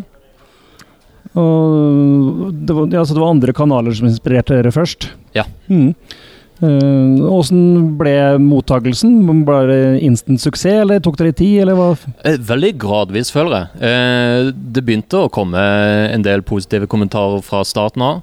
Eh, Men eh, som jeg også nevner i denne episode 50, eh, vår tiårsjubileumepisode, så var det liksom på Oslo Frightfest i 2010 jeg oppdaga at oi, det kommer opp helt random folk jeg aldri har eh, møtt før, som sier at de digger filmjunkene, liksom. Mm. Og da jeg skjønte at faen, vi har jo faktisk nådd utenfor vår vennekrets med det her, liksom. Ja, ja. Så eh, det, det var da jeg virkelig kjente på det, liksom, og merka det, liksom. Ja. Dere har jo også gjort en del mer eksperimentielt med episodene. Dere ble mer og mer ja, skal vi kalle det filmatiske, Mm. og lagde spesialepisoder, og dere lagde ting som var ja, med manus, mest sannsynlig, da. Ja, ikke sant. Ja, for da, da har jeg jo skrevet manus i alle disse tilfellene, liksom. Ja. Eh, Og dere har, for det er også en interesse dere har, for det er også ført videre til eh, bl.a. dokumentaren om Bredo Greve. Stemmer det. Eh, vi har jo alltid hatt lyst til å gjøre mer enn å bare anmelde, liksom. Og vi har jo lagd mye kortfilm og eh, den slags før. Så eh, det var et naturlig steg å ta det, liksom. Ja, For det var det dere drev med også når dere traff hverandre? Gikk på medialinja og angående film, eller? Eh, ja, eller vi gjorde det mye på fritida. Eh, Akkurat den linja vi tok var mer teoretisk eh, Mm. på filmvitenskap, men der lærte vi mye sant, filmhistorie og liksom eh, filmsjanger og liksom filmanalyse og alt innenfor der, liksom. Så eh, jeg tok jo en mastergrad til slutt i det, og der skrev jeg jo om Bredo Greve mm -hmm. sin eh, filmhistorie. Fi- Tetta inn det hullet i norsk filmhistorieskrivning der, liksom. Ja, ja. Ja. ja absolutt misjon den dokumentaren. Det er ikke noe tvil om det.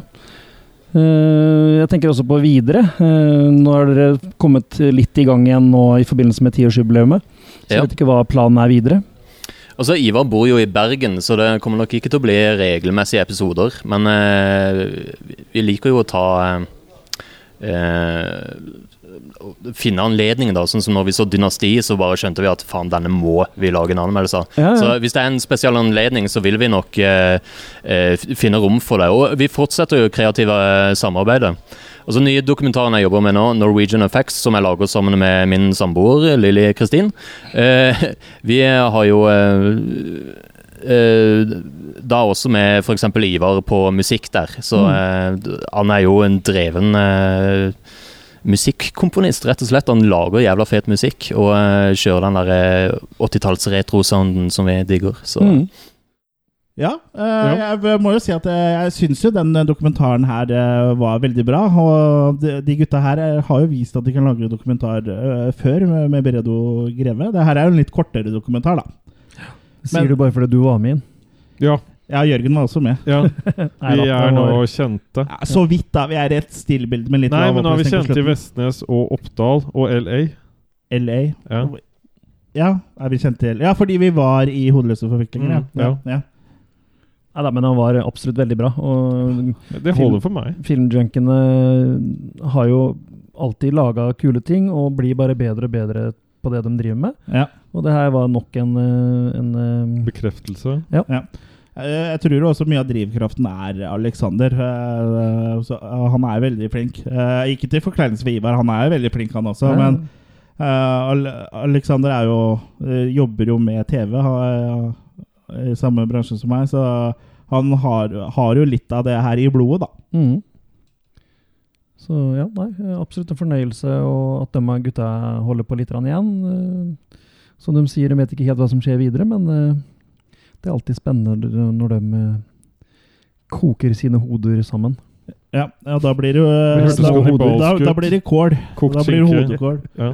Ja. Nei, den var, var veldig kul. Også. Den, eh, den var veldig bra drivende, og det syns jeg ofte er liksom viktig i en dokumentar. Mm. Eh, nå var jo denne her bare 30 minutter, men det 30 minutter kunne føltes veldig lenge ut hvis det på en måte er veldig eh, traurig og dårlig, da. men det var det absolutt ikke her. Så ja, veldig gøy. Og filmjunkiene er jo Ja, det er en sånn staple i når det gjelder norske you- youtubere-følgere, men kanskje litt sånn undergrunn òg, for de er jo, som Alexander sa sjøl i stad, de er ikke helt eh, Prebz og Dennis.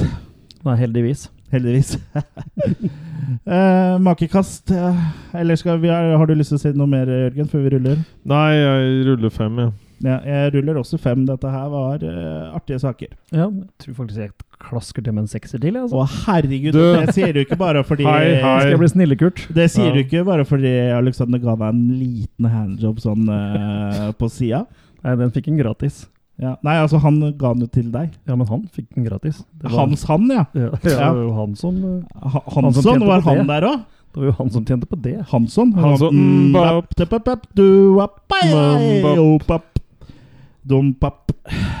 Ja.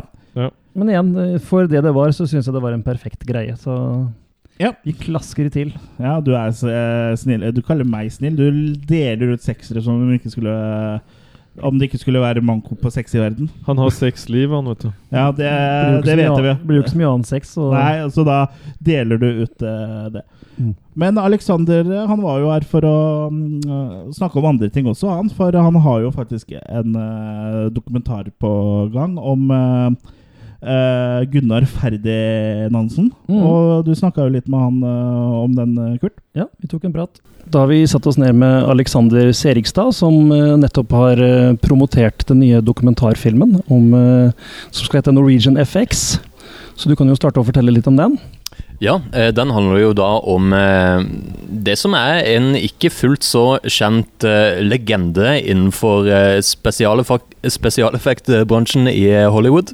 Nemlig nordmannen Gunnar Ferdinandsen, som da jobba som mold maker, altså avstøper, for eh, folk som Rick Baker, Robotine, på filmer som The Thing, Robocop, Ghostbusters, eh, Legend Mac and Me. Eh, veldig mange forskjellige filmer, da.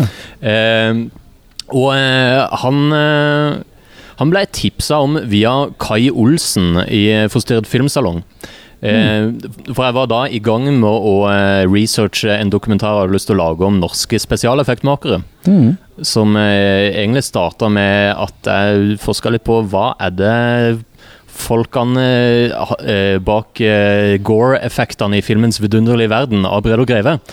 Han testa jo den norske filmsensuren der, lagde en voldsscene med mye blod og gørr. Og da fikk han Petter eh, Borgli og Dag Alvberg til å lage spesialeffektene der. Mm. Eh, og da, da kan du si, det var egentlig der det starta, det eh, Hele det prosjektet med at jeg begynte å liksom forske hva er blitt lagd av Eller hvem har du av spesialeffektmakere i norsk filmhistorie, da. Ja, riktig. Så eh, nå har jo Gunnar riktignok kun jobba i Hollywood, men han vokste jo opp i Norge.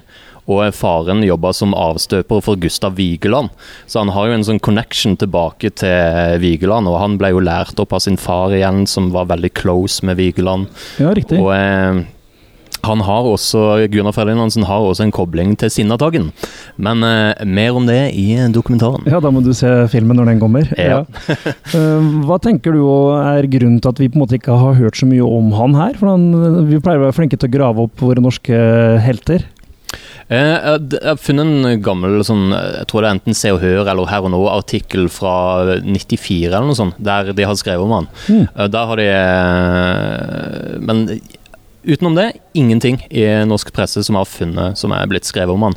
Men i eh, altså Rick Baker forguder Gunnar Ferdinandsen, liksom. Ja. Og eh, Robert Freitas, som er en av de sånne store innen moldmaking i Hollywood, jobber på filmer som Planet Terror, eh, Men in Black-filmene og mange andre. Han har jo liksom Gunnar Ferdinandsen som sitt idol. Det er liksom sånn, det er det nivået han det vil nå opp til. Men Gunnar Ferdinandsen sjøl er en ekstremt ydmyk fyr og sier liksom nei, det er ingenting. og «Fa, Jeg har vært heldig, liksom. Og er veldig sånn, da. Han, Ja, ja. eh, han skjønner ikke sjøl at han er et geni, egentlig. Ja, det er jo ganske morsomt, at vi, og selv i vår sjanger, vi som driver med skrekk og horror, vi burde jo liksom ha fått det med oss à la The Ting og sånne Ja, filmer som det. Det, det er nok også litt det at han er jo på en måte en del av crewet, da. Eh, han er jo ikke liksom han som har lagd Altså liksom designa skulpturene og sånt. Og det er gjerne da Robotine, for eksempel, som blir den mest kjente for det. Mm. Men han har vært en essensiell del av teamet liksom til eh, Rick Baker og Robotine, liksom, og eh, lage disse avstøpningene. Så han er jo mer en sånn tekniker innen special effects. Ja, ikke sant? Ja. Eh, Du er jo også flink til å, ja, igjen, å dra fram eh, disse ukjente heltene, sånn som Bredo Greve i forrige dokumentar, og nå altså den karen her. Når tror du den filmen, når er det planlagt at filmen skal slippes? Eh, det er vanskelig å si ennå, men 2021 La oss si at det høres ut som realistisk eh, tidshorisont. Ja, riktig. Så det er fortsatt litt jobb som gjenstår. Ja, det er en del intervjuer som må tas. Eh, og målet, det jeg virkelig har lyst til, er jo å få intervjua Rob Bottin. Problemet er bare det at Rob Bottin gjør ikke intervjuer lenger. Jeg tror det nyeste intervjuet jeg har sett med han er fra 2009. Og, så han gjør bare veldig sånne unntaksvise intervjuer, og jeg skyr jo mediene helt. Mm. Men jeg har et lite håp om at kanskje siden han jobba med Gunnar Ferdinandsen i ti år på filmer som liksom The Thing, uh, Basic Instinct, Explorers, uh, Robocop Han har de har jobbet på mange mange, mange filmer sammen i ti år. Mm. så har jeg et lite håp om at kanskje han vil snakke litt om eh, Gunnar Ferdinandsen. Ja, vi fikk jo sett en liten pilot da, Ja.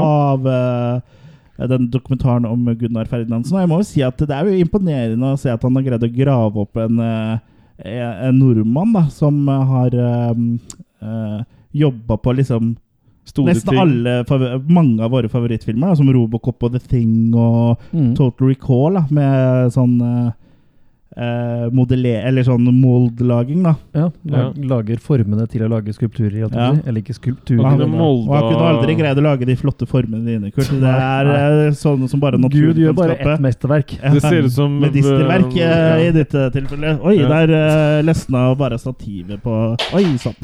Ja, ja, men uh, bare fortsett å snakke, dere, så fikser jeg det her. Ja, dette Ja. kan vi lage selv. Ja, Nei, sånn veldig, er det når vi er ute. Um, Det blir jo veldig spennende å se det ferdige resultatet. Men det Ja. lover jo veldig godt det vi fikk se, i hvert fall. Ja. Og så måten ting eh, linker opp med ting vi er veldig glad i, som vi sikkert sa. Ja, absolutt. Ja. Og ting er ikke det man skulle tro først. Nei, for det er jo liksom sånn at det er han fyren her, eh, som man sier i intervjuet, at han er sånn go to guy da, blant mange av disse store i Hollywood. Gunnar handles it. Ja, Go to er- Gunnar. Og så er han liksom bortimot ukjent i Du blir ikke profet i eget land, si. Ja. Ja, sånn som Rick Baker var jo veldig fan av eh, Av eh, Gunnar Gunnar. Ferdinandsen. Mm. Ja. Gunner. ja. Bare gunner på. Skal jeg bare prøve å få ned i hølet her? Jeg bare å Ja, det sier du hver gang. ikke, hvis ikke Gunnar kunne molde det, da var det liksom ikke noe Nei. poeng å ha det. Da var det ikke noe vits i å, å prøve å bli Molde en gang, liksom. Nei. Ikke engang hvis du bor i Molde. Sånn, Ja, der, der har jeg eh, fått uh, inn røret igjen. tror jeg. Sånn, ja. Der, ja. Ja, vi det er ikke så hølvant, du. Ja. Jo, ja, men det var trangt i hølet, skjønner du. Det Ja, vet jeg at du ikke har noe erfaring med. Du bomma første gang, så jeg. Ja, det, det, det pleier jeg å gjøre. Ja. Men uh, når jeg treffer, så treffer jeg. Og da har det gått. Nå tenkte ja. jeg på sånn når de pumper opp olje og sånn. Ja, Ja. det tenker du nok på. Ja. Men ja. Jeg gleder meg til den Norwegian FX-dokumentaren. Altså, det blir veldig gøy å se. ja, absolutt. Og så Mm. Hvorfor har ingen tatt tak i det her før? Liksom? Hvorfor har de liksom bare fått lov til å forsvinne? det er jo ingen som har hørt om eh, det her. Da, så det er jo, nei, det, men, det det syns jeg jo Alexander er jo veldig flink til å grave frem ting. For sånn Ja. som Bred og Greve hadde aldri jeg hørt om heller. Så han er, han er en god researcher, vil Absolutt. jeg si. Mm. Ja. Begynte med at han fikk en Eller, spade. og Ivar, da. Det begynte med, sånn- med, med at han fikk en spade i barnehagen, så begynte han å grave. Ja. Ja. Og nå har det blitt to dokumentarer ut av det. Skal jeg legge på trommevirvel, eller vil du at jeg skal uh... Nei, sånn. Nei, jeg gjorde den sjøl, jeg. Det kan du forresten bruke senere. Du kan ta vare på det lydklippet. ja, men nå tror jeg vi snakka litt over, så hvis du bare sier det cleant eh, når vi blir rolige nå Mi, mi, mi, mi. Det kan vi bruke til hva som helst, det faktisk. Du skal ha som ringetone, har jeg hørt. Mm. Men uh, gutta, hvordan syns dere festivalene har vært? da? Vi har jo liksom fått møte litt Ja. folk, og jeg tenker litt på lo lokasjonen her i Oppdal. Og hvordan har selve opplevelsen for dere vært da, å være her? Jeg syns det har vært stort å være her. Jeg har fått uh, snakke med både de som jobber her, og, og går rundt her hele tiden og ordner. og jeg har, også, jeg har liksom både fått snakka både med de som lager, de som ser, og de som gjør. si. Så jeg, det, det har vært artig å liksom ta pulsen på hele stedet. da. Det er vel stort sett hunder som gjør. Ja. Nei, men det er, jeg må si det er et fantastisk opplegg. Enig, det er veldig fine lok lokasjoner her, og kulturhuset her er jo rett og slett fantastisk, syns jeg. Veldig bra sted. Og, og de som har eh, eh, arrangert det her, Oppdal kommu- kommune og hele greiene, det virker bare liksom veldig sånn eh, bunnsolid uh, og proft gjennomført, da. Mm. Ja, Og så er det kjekt at det er såpass mye turisme her, at de har fått liksom en del butikker og hotell, og at det er lett å få tak i ting. da Ja. For jeg var jo redd eh, før vi dro til Oppdal og sånn at det bare var en bensinstasjon. Altså at det liksom ikke var mulig Ja, å få at du særlig ja, ikke at du ikke skulle få tak i frokostkokaina di og sleit litt med, og men, men han ene jeg snakka med, han uh, sa det at det har liksom endra seg. At de som er turister her og bor her på hytter og sånn, nå har de begynt heller å handle her. Istedenfor å handle hjemme og så dra med det til hytta. Ja, Så det er liksom veldig greit at det har blitt uh, her isteden. Mm. Så det, det er en positiv ting, da. Ja. Jeg er jo enig i at det der er uh, en veldig velsmurt maskineri på Ramaskrik. Det, det er tydelig Ja. at de har holdt på nå i Det er niende nå, gangen. som sagt. Mm. Mm. Mm. Eh, og de er nå The got this down. Ja, men du ser bare på, dek du ser, du ser på dekninga de gjør av det òg, ut Ja. på nett òg. Ja, veldig flinke, veldig flinke. Ja, Mm. Men også har de liksom tid til folka likevel, på en måte, hvis du skjønner. Ja, vi har blitt tatt veldig. Ja. Vi har blitt tatt veldig godt imot av de som uh, driver her. Og jeg syns veldig enkelt og veldig proft gjennomført. Og, ja. Mm. og så har det vært gøy å møte gamle kjenninger, da, som Per Ingvar Tomren og Raymond Holle bak Christmas Cruelty, og Mm. Kai Olsen og eh, resten av Vestnes-gjengen og Håk Håkon. Håkon. Håkon, Håkon og Kai. Ja. I forstyrra filmsalong. Ja, Mm. ja, ja det, og Håkon òg, ja. Mm. Mm. Ja, så jeg, så jeg syns jo det har vært gøy, og vi, har jo truffet mange gamle venner eh, på nytt igjen, da, som vi ikke ser så ofte, som vi stort sett ser når det er i filmsammenheng, sånn som Alexander eh, Serigstad og Vestnes-gutta. Og så har vi Mm. fått noen nye venner, bl.a. blant annet verdens største Olsenband-fan eh, Tommy Tommy, ja. Myrbostad. Ja. Ja. Så det er shout-out til deg. Ja. Absolutt. Mm. Er du edru ennå? Ja, det er han eh, er, Jeg tror vel jeg jeg Har har, du, har har, du landa? jeg har kjent den i to dager. Han har fortalt de samme Olsenmannen-historiene hver dag. Så jeg ser, nesten så jeg har liksom lyst til å være her eller- til i morgen Men- så jeg kan høre historien en tredje gang. Men jeg følte på en måte jeg møtte meg litt sånn sjøl i døra Når jeg møtte Tommy. Nei, Så du fikk så, kanskje så ille var det ikke. Nei, men- nei men jeg, jeg Ja. Nei, så ille var det ikke. Jørgen. Så det, du, Jeg- møtte, du møtte din uh, Übermensch, du. ja jeg var, var vel mer i farta på 90-tallet, da. Eh, Eller eh, ikke på 90-tallet, det var da han ble født, men Ja. når jeg var yngre Altså, du er faren hans? Det kunne jeg vært. Ja, det kunne det vært. Ja, jeg syns vi har en del familielikheter. nå må vi lære deg litt om åssen barn lages igjen. Ja, du må ha samleie først. Ja, men det har jeg, det jeg sjekka litt med om, for jeg gikk og lurte en hel dag på hvorfor det sto avlerom utapå det ene rommet oppe Ja, på ja, Opptak det mangler en kulturhus. T. Ja, det slo meg til slutt. Ja, Så du skjønte ikke det når vi snakka om det? Nei, jeg lurte fælt på det. Nei, så, men der er det masse tavler som du kan skrive med kritt på. Der, Jo, men jeg, lok jeg, jeg lokka opp, og så var det sånn 'Supplies!' Ja, Så var det mm. dame der inne. Jeg, tør, jeg bare smalt døra igjen. Ja. Det er jo alltid gøy å se deg eh, snakke med damer. Men Ja. så var det også veldig sånn eh, De gjestene som var der, var jo også veldig tilgjengelige. da Så Ja. det ble Og sånn mingelmuligheter for folk. Og, Ja, og, og sånn som Severine Eskeland og sånn er jo folk vi kjenner. Altså Mange av de kjenner vi, men også sånn de vi ikke kjenner, har jo da festivalen vært veldig eh, gode til å tilrettelegge for oss, da, så vi kan snakke med dem. Mm. Og selveste rosinen i pølsa, som jeg fikk gleden av å intervjue, som for første gang i mitt liv hvor jeg har blitt litt starstruck, eh, var jo når jeg fikk i- Etter at du, intervjue bortsett fra når du møtte meg. Bortsett fra når jeg møtte deg, ja. Da Mm. ble jeg kaviar-starstruck. uh, var jo da jeg fikk eh, møte selveste Brian Justna, og jeg fikk et lite intervju med han.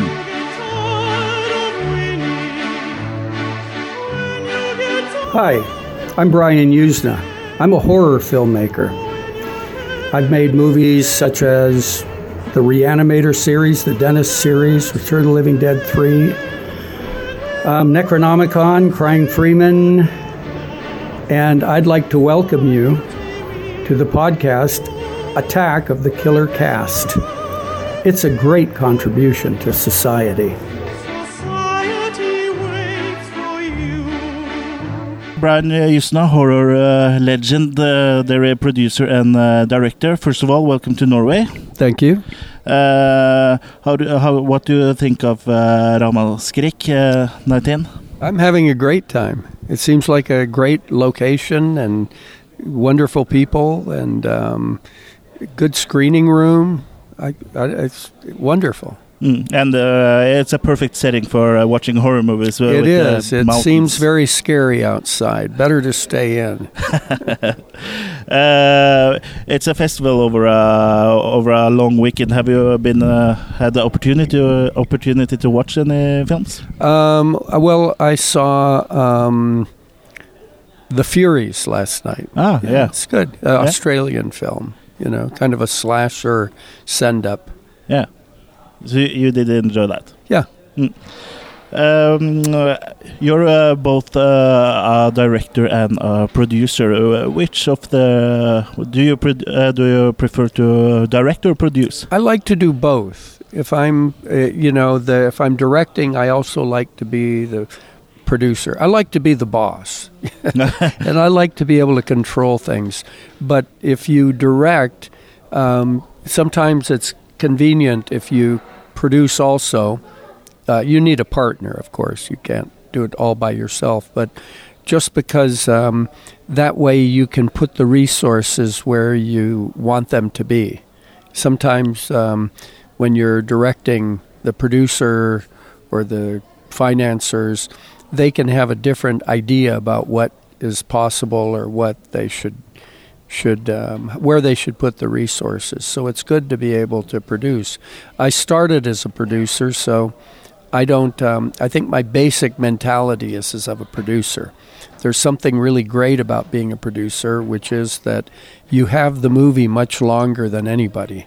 Because even years after the movie's done, you're still you're still doing something with it. Like for example, with Reanimator or Society, I'm still putting out another DVD, another Blu-ray. I'm still trying to get the prints out. I, so I'm still taking care of the movie. Mm.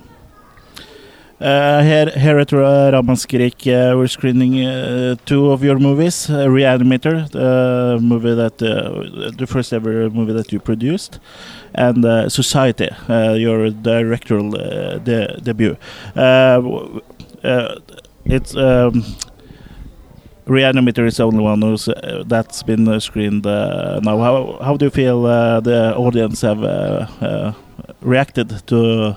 Well, you know, I didn't sit through Reanimator. Okay. I just watched the beginning. Yeah. But um, every most everybody stayed for the Q and A. They all seem to have enjoyed it. Mm. It's um, it's interesting how an old movie can can survive. That can have such a um, good shelf life. Most movies don't, of course, but I think Reanimator is pretty special. It really still works. Speaking of uh, old movies, uh, Reanimator was uh, sc- uh, screened from a 35 millimeter uh, print. Yeah, it was uh, actually one of the original release prints. So I ended up with all the release prints Mm. of the movie, and I um, and so that was one of the that print was from 1985. Cool.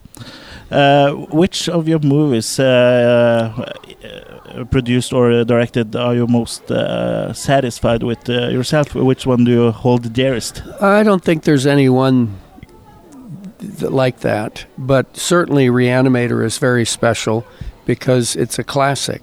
It's a real classic horror movie, and I'm Mm. a horror fan. And so for me, the idea that I was able to be involved in a in a classic Mm. is great. Yeah. As a horror fan. And I think Reanimator is a horror classic. It's one of the best horror movies, at least of the 1980s. But, you know, when you look at the modern era of horror, which I would, or there's certainly an era, era of horror that I believe began with Night of the Living Dead Mm. and went all the way up until when everything went digital, maybe in the 2000s Yes. and things changed. You know, from from the drive-in time of of Night of the Living Dead through the the video era Mm. into the DVD era, and that's kind of a certain block of time of horror. I think after in the digital time, maybe in the past ten years, things have changed a bit. Mm. I think it's a little, maybe it's just the ending of that, but Mm. I'm not sure if we're not into another type of horror movie that, in many ways, is is um, references Mm. the movies of the 70s and 80s and 90s, but maybe they're going to have their maybe something different is going to come out of it just because of the different um, distribution. Mm. I think in the 70s it was it was drive-ins, Yeah. and in the 80s and it was VHS Mm. into the 90s, and the, the distribution and the financing was was um, such that that there was it was um, many people could make movies. Mm. Um, with digital, it's completely different because the way movies are made is different, and lots of and and plus because of the internet and and and digital, uh, even just with um, DVDs and Blu-rays, everybody can become an expert at movies. You Hmm. can see anything, and people and you can find out how to make it and how they're done and get all the backstory. And so I think today the um, the um, people who are making movies, and I'm just going to stick looking at the horror ones because that's what I like. Um, I think they know so much, Mm. um, or can know it. Um, I'm not saying that they maybe uh, understand it within its the context of its time, but they know so much, and it's so easy to shoot a movie. You Mm. can do it with your phone.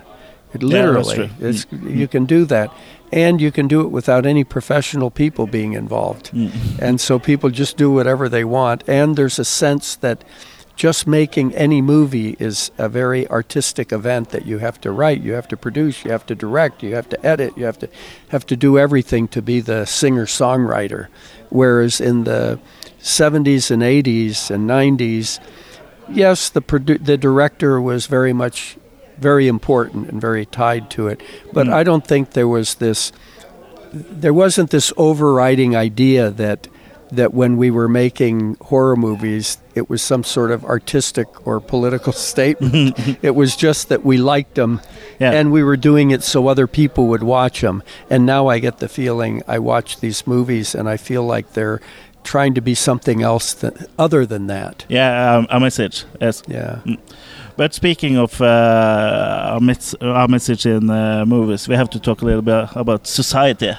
Uh, Society uh, is one of my favorite uh, horror movies and uh, movies of all time, actually. Uh, th- th- there's a message in Society. Well, there is. It's um, it's not something that I.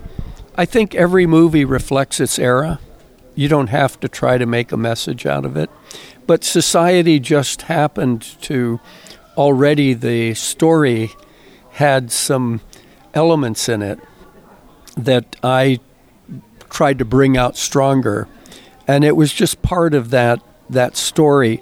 The intention of society wasn't to make a to make a statement, but to have fun Yes. and to have fun with with something that you know, I think is you know it's not it's kind of a cartoon of course it's not anything you can't really look at it it's too seriously No. but it's a it's a cartoon version of of, of, a, of sort of our economic system Mm. you know and any system I mean throughout history there's always been people who dominate other people Mm. from whether they were cavemen or or you know Chinese emperors or whatever Huns, um, and I think that that relationship of the of uh, the few people who tend to have the most, and um, this is the human condition, I think, and in society it kind of makes a sci-fi horror version of that,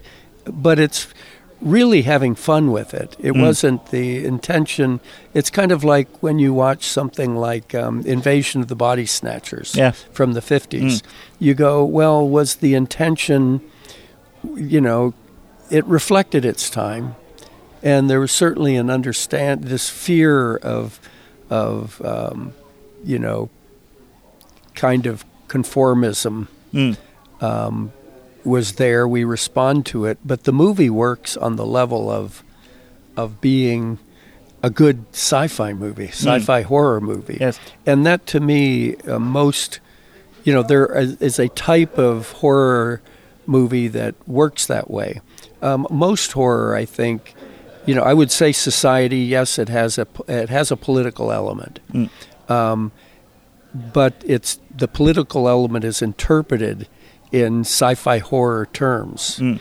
Um, they're usually science fiction. Usually is more likely to have a political comment, and horror usually, in my opinion, is more focused on sex and death, religion, psychology, these types of things.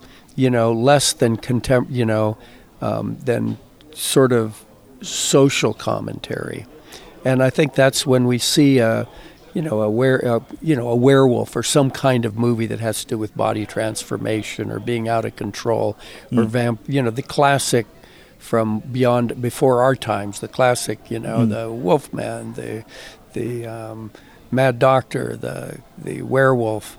These things are really about sex and death Yeah. and um, and when we look at um, you know, the sci-fi like you know, the day the Earth stood still, or you know, well, those have more of a social commentary. Society kind of blends the two.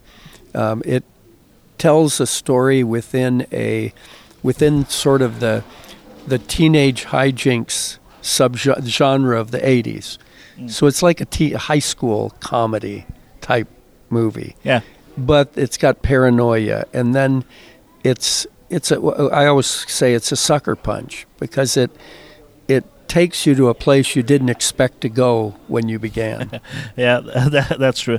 Speaking of uh, places that you didn't expect uh, the movie to uh, go, the effects made by Screaming Mad George is really balls to the walls uh, crazy. Uh, how the, was it working uh, with uh, with George? Well, I met George um, for that project because the the um, movie was being financed by Japanese financing at that time, and George is Japanese, and they asked me if I would meet him because it would be good for the for the Japanese investors to have a Japanese person involved, and so. Um, so I met him, and I went to his house, and he's he's more of an artist than an effects guy. He's a surrealist artist, and I have always I've I love surrealism. I love expressionism, Dadaism.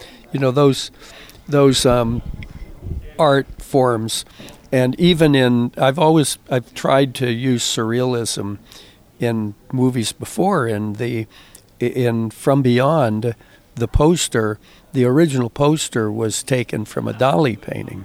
Oh, okay. And that was Yeah. well before society. But when I saw George was really into um, surrealism and into um, kind of um, optical illusions in art, um, we immediately, I went to his apartment and we immediately were looking at Andalusian Dog and we were going through Dali paintings. We were already picking out images from Dali paintings to put into the shunting. Now, the, the original script didn't have any effects. It didn't have any shunting, nothing fantastic. It was a blood cult. Okay. So it was the, it was the story. It was it was written by Woody Keith and Rick Fry, mostly Woody Keith, and he grew up in um, in Beverly Hills, and he did have this paranoid idea about what his parents and what society was like. so a lot of this stuff were characters that he was playing with Ah. from from his own experience, and the paranoia, I think, was the overriding uh, was the thing that attracted me to the script. But at the end, I liked the idea that there was this impossible kind of paranoia that this boy has, and uh, this teenage boy, and he, and he's somebody who has everything. He has rich parents. He's very popular at school. He's an ath- athletic star. He's got, but he's paranoid. He's his life is terrible, and so the idea that it there's these impossible kinds of things that are happening, and then we find out at the end that it's true. But at the end in the script, it was a blood cult. Hmm. And when I got to that point, I thought, wow, I really like this, but I want something with effects, something stranger than, than just killing. I've, hmm. I'm not, you know, it doesn't do enough for me. and so that's when I began thinking, well, what, what would I like to see? And when I imagined what I'd like to see, I was thinking, I, what haven't I seen in the movies that I'd like to see? and I thought about people's bodies melding into one another. And I thought, hmm, I'd like to see that. So let's do that and figure out a way to explain it. And so that's what we did. Yeah, it's uh, definitely an awesome movie.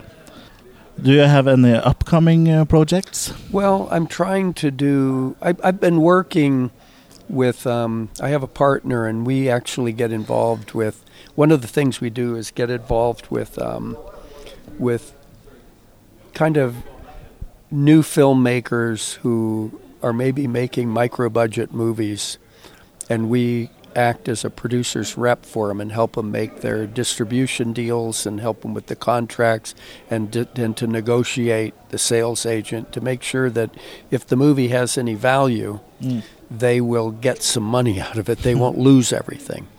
And um, of course, the movie doesn't have value; they'll lose everything anyway. But then we don't get anything either. It's not much of a. It's not a great business. It could be if we get a big hit, but it's fun to deal with people, and we also will start with uh, even with finding a writer or finding. On one, we have a movie out now called Reborn with Barbara Crampton, and um, on that one we help present a, options for a writer, help develop the script the, for the producer, help in, interview directors, and you know help give advice to the extent that the that the producer wants it, or the we're working on one now that um, it's a director producer, and we you know we'll look at the script and we look at the cut, and we'll help make and we'll help try to sell it. So that's kind of fun. I enjoy doing that.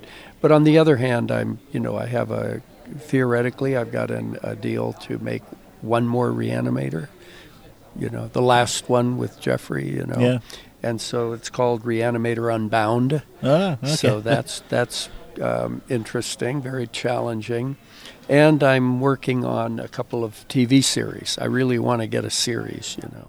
Du sa et lite intervju. Ja, 20 minutter. Det er veldig vanskelig å få Brian eh, til å Vi er på fornavnet, så godt kjenner hverandre. ja, ja, ja. Til å svare kort. eh, Og beklager den stotrende norsk-engelsken, men jeg ble litt, faktisk litt nervøs. Det er ikke så ofte jeg eh, blir, men å møte Brian Newsland for meg var faktisk veldig stort, så jeg vil jo tro det er sånn som det er for andre å møte liksom eh, Madonna Madonna eller Obama Ja. eller en sånn for, for Ja. For, Og- og- Ja. for meg så var det her liksom uh, kongelighet, da. Det var liksom uh, Ja, så det er første gangen jeg følte litt på det å få litt sånn jitters. Det er i nærheten av, ja.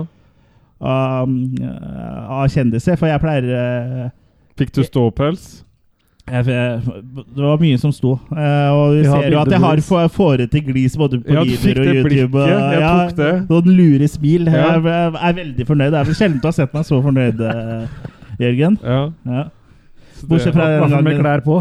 Bortsett fra den gangen vi var i Vienna sammen. Men da, da vet jeg i hvert fall hvis det blikket dukker opp i noe Da- setting da hvor jeg- har litt tøy på meg, så er det å løpe. Ja, da, ja, da må du løpe.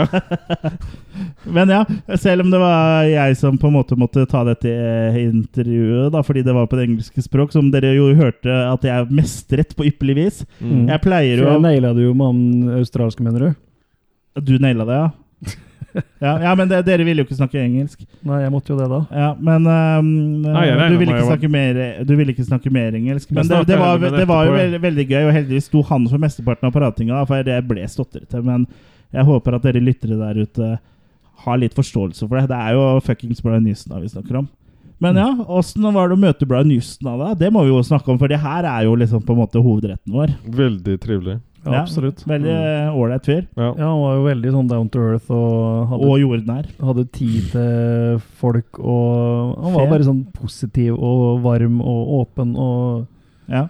Ja, nei. Det var, uh, veldig, veldig spesielt, uh, interessant og hyggelig og Litt sånn ærefrykt òg, på en måte. Ja, litt. litt sånn, for Eh, Ikke sånn at du liksom følte at det var noe skummelt, men han er jo liksom Vi har jo vokst opp med filmene hans, liksom. Og det er i hvert fall første gang jeg har møtt noen som på en måte står Er for i verden. eh, Ja, Uh, det er, men som uh, Som liksom er en viktig del av liksom oppveksta, da. Ja, ja. Så jeg har bare superlativer å kaste Ja. etter, eh, etter Ja, det. veldig ålreit og fin fyr. Og vi fikk jo tatt bilder. Vi fikk signert laserisker laserdisker og. VHS-er og DVD-er og Blu-rayer, og veldig, veldig gøy. Seinere på kvelden eh, så fikk eh, så han, han gikk jo bare rundt, og så bare satte han seg ned og begynte å, å prate mer. Det var i dag. Eh, Ja. I dag, ja. Eh, og I da, dag. da kom han med et, et tips, den filmen han likte, Ja. av de tidlige. Og da lurer jeg på Av de tidlige filmene som han likte. Ja, men tidlig i festivalen, eller sånn uh, Nå, nå snakker jeg om sånn helt Verdenshistorien. Ikke ja, nødvendig Tog festival. med stasjonen og sånn. Ja, du, du skjønner det når du hører tittelen. Ja, i oppveksten hans. Ja, Um, This Island Earth.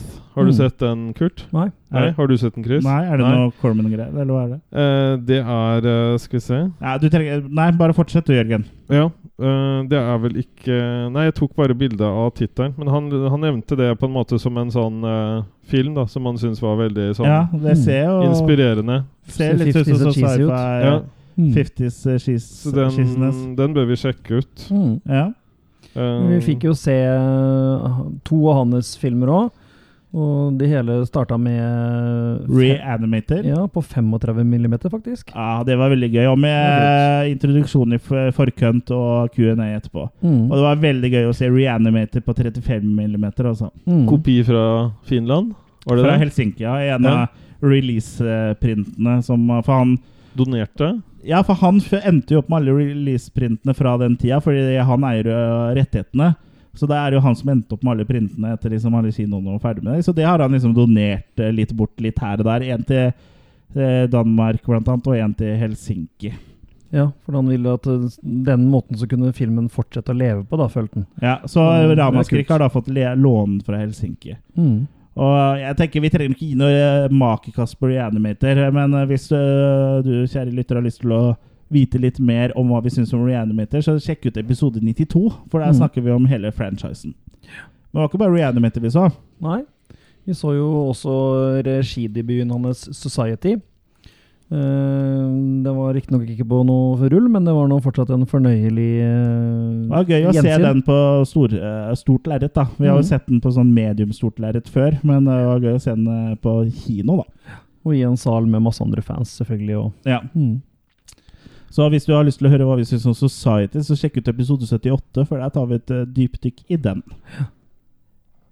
Så ja. eh, er det noe mer eh, å si om om Brian da? Annet enn at han er en eh, jævlig ålreit eh, type? Han var ikke så begeistra for Star Trek.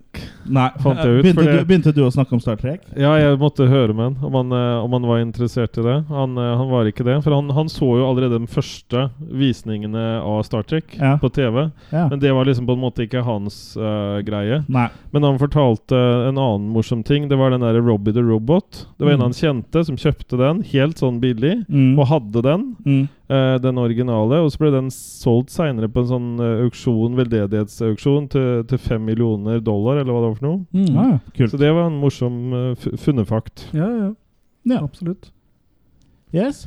Vi har jo uh, begynner å liksom dra seg på litt her, men vi har fortsatt et par filmer igjen å snakke om. Du, Kurt, du tok deg en tur for å se Satanic Panic. Ja, det var også en av dem jeg hadde gleda meg til å få med meg her, sånn, for jeg har sett trailerne sånn på forhånd, og jeg er jo litt opptatt av uh, Du er jo satanist. Du liker jo tung, tungtrafikk. Ja. Ja.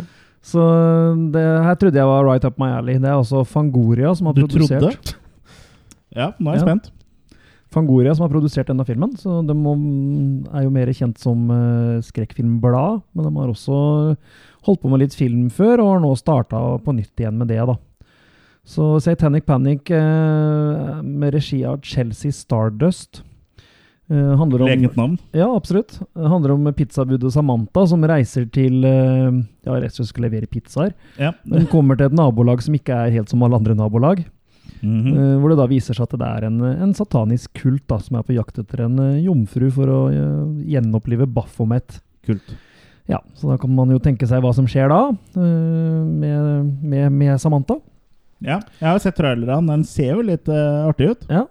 Det her er også er en horrorkomedie eh, Mm. som ja, mye vektlagt på selvfølgelig blod og gørr, som seg høre bør. Ja, jeg rima, hørte du det? Ja, du er flink. Hør og bør. Hør og bør se det Og det er snør. ikke, det null, og det er ikke null grader ute engang. Nei. Nei. Men eh, ja, så mye gørr og mye humor. Eh, kanskje litt sånn for moderne for min del, med litt sånn eh, Hva skal jeg si? Farger. Ja, farger og mm, Lyd. Var du uvant at det var farger, kanskje? Uvant at det var farger på filmen. Ja. Ja. Nei, Jeg vet ikke hvordan jeg skal forklare det, men moderne filmer har en sånn tendens til å se litt sånn glorete ut, på en måte. Og med karakterer som også er litt sånn eh, Ikke stereotype nødvendigvis, men litt sånn platte. Ja. Ja. Eh, og så blir jeg aldri vant til det at du skal ha sexscener uten nakenhet. Du skal ha Har du aldri vært med på det før? Han har aldri vært med på noe sexscener. Og sacrifice uh, Sacrifice! folk med klær på. Det er liksom ja, Nei, det gjør man ikke. Nei. Det blir vel Så det er jo sånn gripes der, da. Så jeg syns ikke den var helt sånn eh, PG-13-fella. Ja. Ja. Men når du da har så mye gård, hvorfor skal du være så forbaska redd for litt nakenhet? Det er liksom Ja, det spørs om det er forgård eller bakgård, da. Det er det, vet du. Eller hovedgård. Så den falt litt, litt gjennom for meg. Litt skuffelse. Kanskje jeg hadde litt for høye forventninger, men jeg tenker jeg havner på en treer jeg på den. Ok, så sånn midt på tre. Ja. Det, vi snakka litt om uh, Downs of the Dead i stad. Det har jo også vært en del uh, kortfilmer som har blitt vist som uh, både Forfilm. Både forfilmer og som sånne egne visninger. Og vi, jeg så blant eh, Creaker. Det var en forfilm før Ghost Killer vs. Bloody Mary, som jeg også har anmeldt tidligere på attackofthekillercast.com. Og Creaker er egentlig en spennende hyllest til 80-tallets skrekkfilmer. Ispedd med en god håndfull nostalgi og litt svart eh, humor. Og det er egentlig en av de beste kortfilmene jeg har sett på lang tid, skriver jeg i anmeldelsen min. Og det er, gjelder egentlig fortsatt, for den er eh, veldig kort og konsis og veldig godt produsert. Da, godt spilt, godt filma og har liksom en sånn eh, nostalgifeeling og er, rett og slett veldig bra. da. Det er Vidar T. Aune som har regissert den, og det var en sånn skoleoppgave Nei, eh, jo, frivillig studentdrevet produksjonsselskap som heter Pro Prosjektor Filmproduksjon, som holder til i Trondheim, da. Så du er for, for filmen? Jeg er for filmen. Jeg syns den er veldig bra, og jeg må bare holde meg til eh, makekastet som jeg da ga eh, på eh, filmen på attackofthekillercast.com eh, 9.1 i år. og det var da Den sto til en make sekser, den, altså, for den var eh, veldig god, altså. Og det la. bra. Ja. Mm. Og så mm, eh, var det noe Jeg har sett noen flere kortfilmer, men det var liksom ikke noe sånn veldig jeg, Ofte Flik, blant annet, som ikke ga så veldig mye. Ja, og Jeger, som var til Come to Daddy, den var vel ikke sånn helt Nei, så jeg synes i hvert fall de kortfilmene jeg har sett, så var det ikke så mye som sto seg sånn veldig ut. Men vi så jo ja. Jeg så jo i forbindelse med Titanic Panic, som var altså en uh, pizzabud eh, Kortfilm? satanisk eh, film, Ja. så var kortfilmen foran en spansk eh, satanisk pizzabudfilm. Ja. som heter A Hell to Pay eller Una Consegna Infernale. Siste Og takk. infernale! I Som- told you pepperoni! Så rett og slett er en sånn artig eh, horrorsak hvor eh, pizzabudet kommer til eh, adressen han skal levere pizzaen, og så finner han ikke først helt fram, men det viser seg at det er en sånn der hull i bakken, så man skal bare levere pizzaen. Ah, ja.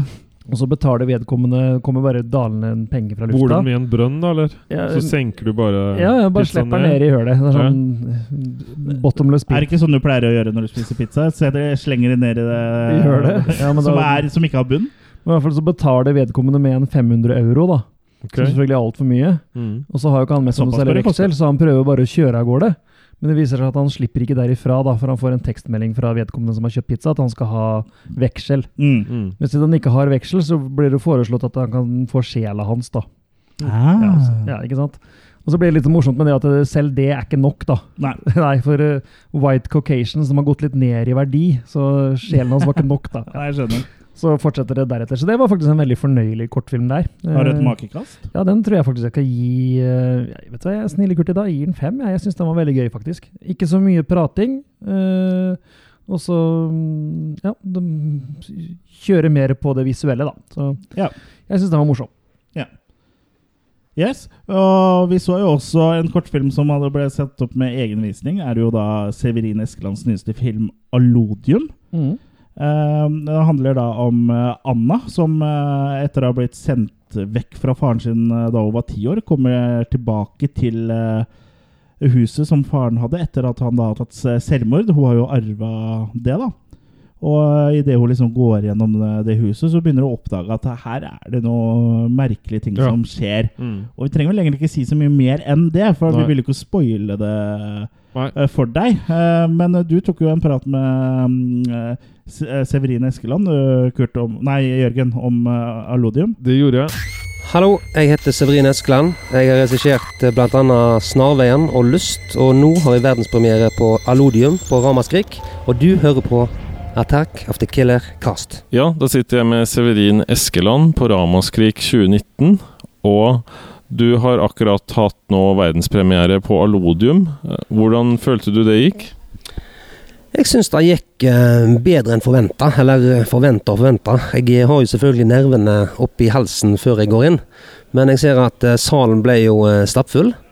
Ekstra stoler til og med. Og eh, når det var ferdig, så er jeg ganske letta, og eh, det så ganske bra ut, syns jeg. Bi- Bildet var jo veldig fint, og lyden var veldig bra. Eh, Så det var, det var en veldig opplevelse å, å se den. Eh, Hva var det som ga på en måte mye inspirasjon til eh, denne ideen? Nei, Først og fremst er det jo location, som jeg eh, på en måte har vokst opp på. Um, jeg har trakka mine barndomsår der inne på den gården, og den kjelleren har jo jeg vært livredd for sjøl. Å gå i det huset alene har jeg vært redd, rett og slett. For jeg jo, har jo fantasi som ikke ligner grisen. Og eh, når jeg på en måte fikk muligheten til å lage film der inne, så eh, reiste jeg inn der et par helger alene. Og satt og skrev i stua på nattestid. Og sneik meg litt ned i kjelleren, selvfølgelig etter et par whisky. Men eh, da, da kom historien på plass. Jeg så for meg hva som hadde gjort meg skremt her. Og da tenker jeg, da må, hvis jeg blir skremt, så må jo noen andre reagere på det òg. Ja, definitivt. Du har med sto, stort, um, sto, stort navn her, Helge Jordal. Um, hvordan var det å ha med han? Jo da, altså jeg har snakka med Helge ganske mange år, jeg, eh, om å gjøre et prosjekt i dag. Vi snakket med spillefilm for om ti år siden, men eh, altså, realistisk sett så har det ikke blitt gjort noe med det. Og nå tenker jeg at eh, ja, jeg har en kortfilm, novellefilm, og da kan jeg få han inn som en sånn viktig rolle, da. Han er ikke så mye med, men eh, veldig, veldig viktig. Og eh, han takket ja, han, og han eh, leste manus og sa egentlig bare i helvete, dette her vil jeg være med på. Så han sa jo det sjøl, han, han sleit litt med nattesøvnen når han leste det, for han skjønte ikke helt hva som skjedde. Hva er det i kjelleren der? Men nei, nei, vet du hva, det skal være litt hemmelig, sier jeg, så eh, du får eh, Jeg skal sende deg filmen når den er ferdig. Men eh, veldig, veldig grei å jobbe med, og syns dette her Jeg tror nok han ble positivt overraska av å se at det ikke var en sånn jeg tror han kanskje trodde at dette var en sånn studieproduksjon, altså studentproduksjon. Og så kom han og så hele opplegget vårt, så var han satt liksom sånn Ja, når han så alle nervelimiter, så begynte han liksom I helvete, det er jo Morricone, dette her! så nei, veldig kjekt å jobbe med han, altså. For han, eh, han bodde i det huset mens dere drev og filma inn, var det ikke det? Jo, det gjorde han. Um, vi hadde liksom tenkt å ha han på hotell, da. Men av eh, logistiske messige grunner så tenkte vi nei, vet du hva, vi hiver han inn på et rom. Og der uh, syntes han det var ganske greit å bo, altså. Um, men ja, han satt jo og leste manus på kvelden, og dagen etterpå når vi skulle spille inn, så sa han jo at eh, Jeg kjenner det jo i huset. Hvordan oppleves det på en måte å ha noe som ramaskrik i forhold til å formidle f.eks. For kortfilm som du gjør nå? Med, jeg hadde ikke trua først at vi skulle bli ferdig til Ramaskrik. Jeg har jo pleid å ha kortfilmvisninger her, sånne korte filmer som er laga på et, en natt og en dag, liksom. Så jeg hadde jo håp om å bli ferdig. Og når jeg snakket med Torbjørn, da, altså han eh, kinomaskinisten her, så sa jo han at eh, send meg en screener. Nå før vi hadde fargekorrigert, før musikk og hele lydsporet, og at jeg sitter og skriker i bakgrunnen. Se der, se der! Fokus på kamera! Så han godtok han jo på det premisset. Og da er det som Ja, Ramaskrik er jo på en måte for oss eh, film, skrekkfilmfolk. Det er jo en høyde å vise til folk som setter pris på den sjangeren. Ikke nødvendigvis vise på bygdehuset hjemme i Hordaland liksom, til folk som eh, kommer for at de vil se en film, men de setter pris på sjangeren, og det er jo de en vil vise for. Uh, Iallfall når en er så genuint skrekkfilmfan sjøl, så er det jo viktigste er å formidle det til de rette menneskene. Hva syns dere om Alodium? da? Jeg syns jo at den var veldig eh, vakkert fotografert og veldig godt produsert. Og den var egentlig ganske underholdende. Absolutt. Den tok meg med storm. Jeg måtte fly rett på do. Fanget av en stormvind Var ikke jeg var det burritovinden som tok Ja, ja nei, men Severin syntes jo det var kjempefestlig, da, at jeg fikk en sånn reaksjon på han. Ereksjon? At jeg ble skikkelig sånn anspent. Fanget i en shitstorm. Ja, men Ble det det av filmen? Ja, ja, ja jeg syns han var skikkelig ekkel. Jeg syns han var eh, ubehagelig på en positiv måte. Litt sånn som oss. Litt sånn som oss. Ja. Ja, jeg jo likte Allodium uh, veldig godt. Mm. Eh, Eh, den brukte litt tid, selv om det var en kortfilm, så brukte den litt tid på å bygge opp stemningen og at du skulle bli kjent med karakterer og sånn. Ja, det Og- funker jo bra. synes jeg. Funker Stemningen bra. sto i taket. Ja, og så brukte den jo en del sånne Alt fra tilbakeblikk og litt blanding av nåtid og fortid. Og, Fortalte veldig mye og greide å linke mellom de ulike tids... Ja, eh, og gjorde det liksom litt sånn forskjellige tempoer etter hvert. da. Ja. Og- Nåtid, nåtid. Ja. Nåtid, nåtid. Så ja, jeg koste meg med Alodium. ja. Jeg også. Du koste meg med noe annet òg, gjorde du ikke det? Ja. Jeg, jeg satt imellom dere to, så tok jeg en real Northug, rett og slett. ja. For du måtte inn på avlerommet. Real Northug var ikke, for det var to stak, så var det uh, ferdig. Ok. Men ja, Allodium, makekast, uh, Jørgen. Den her gjorde Fem. inntrykk på deg, ja. Ja, samme her. Jeg Ja. kaster fem, altså. Jeg Jeg syns han satt faktisk litt igjen i kroppen etterpå. Selv etter at du hadde vært og dreti i Ja, det er veldig få filmer som gjør. Ja. Ja. Makekast fem eh, fra meg også, så gratulerer med den, Severin. eh, Den var suveren. Ja. Ja. Jeg håper den blir gitt ut på noe fysisk format. da. for Ja, i hvert fall, hvert fall til oss, da, Severin. Du kan gi den på fysisk format til oss. Ja. Laserisk helst. LP. Vinyl. Ja, vinyl, ja. ja det LP-vinyl er det samme, Jørgen. Mm. Eller ikke nødvendigvis, da, men uh, Spandex vil han på. det vil jeg også ha. Mm. Mm. Men ja, for å oppsummere litt da, folkens. Hva syns vi om uh, Hvordan har det vært? Uh, vi har jo vært på festival. Vi har også bodd sammen. Hvordan har det gått? Overraskende bra. Ja. -hmm. Ja. Vi er jo voksne karer som uh, vet hva vi vil. Og Du sammenligna det med Carl og co. om det er å ligge og spune uh, natta lang uh, med knallharde rør opp mot hverandres rumpeballer, så er det ingen som dømmer oss for det. Ja. Jeg sammenligna det litt Det skal ikke stå på at du ikke har prøvd, i hvert fall. Nei, jeg, skal, det, jeg sammenligna det litt på forhånd med Mot i brøstet. av Liksom, Mm. Hvem er hvem her? Og da var Men, du men da var, blanding var jeg alle tre. kan- Du var en blanding av. Målfrid. Nei, vi kom fram til at jeg var alle tre, Ja, og du var egentlig hun Elna. ja riktig. Ja, og så vet jeg ikke helt hvem eh, Kurt Kurt er. blir. Nei, jeg hadde rota meg bort. Jeg så jeg var mye hos Martin. jeg. Ja, du er hos Martin. Ja. Altså, jeg, jeg er N- Hva heter det med? Nils, Henry og Carl. Ja. Ja, Mhm. De tre er jeg. ok. Ja. Ja. Nei, men det har gått bra, det. Ja da, vi er jo Like livets hele glade gutter. Vi har eh, ikke sånn, drept hverandre ennå. nei, men eh, kvelden er fortsatt ung. Mhm. Men sånn eh, bortsett eh, fra det å bo sammen, eh, for det har jo vært kjempekoselig og kjempegøy, med, og vi har kosa oss glugg. mm. Men festivalen sånn ellers har det stått til forventningene. Ja, det har til og med kanskje overgått dem for min del også. Jeg Ja, syns det har vært så trivelig å være her, så vi snakker jo selvfølgelig allerede om å komme tilbake igjen, så vi får uh, Ja, for det var, sjå. det var mitt uh, neste spørsmål. Frister det til gjentagelse, Jørgen? jeg, jeg tenkte jeg skulle prøve å formulere meg på en korrekt måte. Politisk korrekt. korrekt. det sto ikke til forventningene, det overgikk dem Ja. meget. Ja. Mm. Mm. Enig. Det var veldig bra. Veldig bra. Så jeg syns hele arrangementet, eh, på tross av litt manglende varm saft når vi holdt på å dø av frostskader Og spekemat. og manglende spekemat, eh, så står eh, Ramaskrik eh, 2019 til makekast seks, altså. Ja, Seks knallharde makes. Ja, Mm. Det er det, er, det er bare å ta turen opp her, folkens. Det er sjelden vi det gir er arrangementer makekast, men vi kan jo gjøre det, da, for de gangene vi er på arrangementer. Så det er jo en pekepinn da, til neste år, folkens. Hva vil dere gi? ja, absolutt. Jeg er med på å gi den full pott, så makekast seks, ja. Ja, jeg velger å På tross at du bare fikk en kopp, eh, Chris, som ikke det var noe oppi, så Ja. velger jeg å gi terningkast seks. Da var vi jo Three Guys One Cup. Ja. Eller vi fikk to kopper. Vi fikk to kopper. To kopper.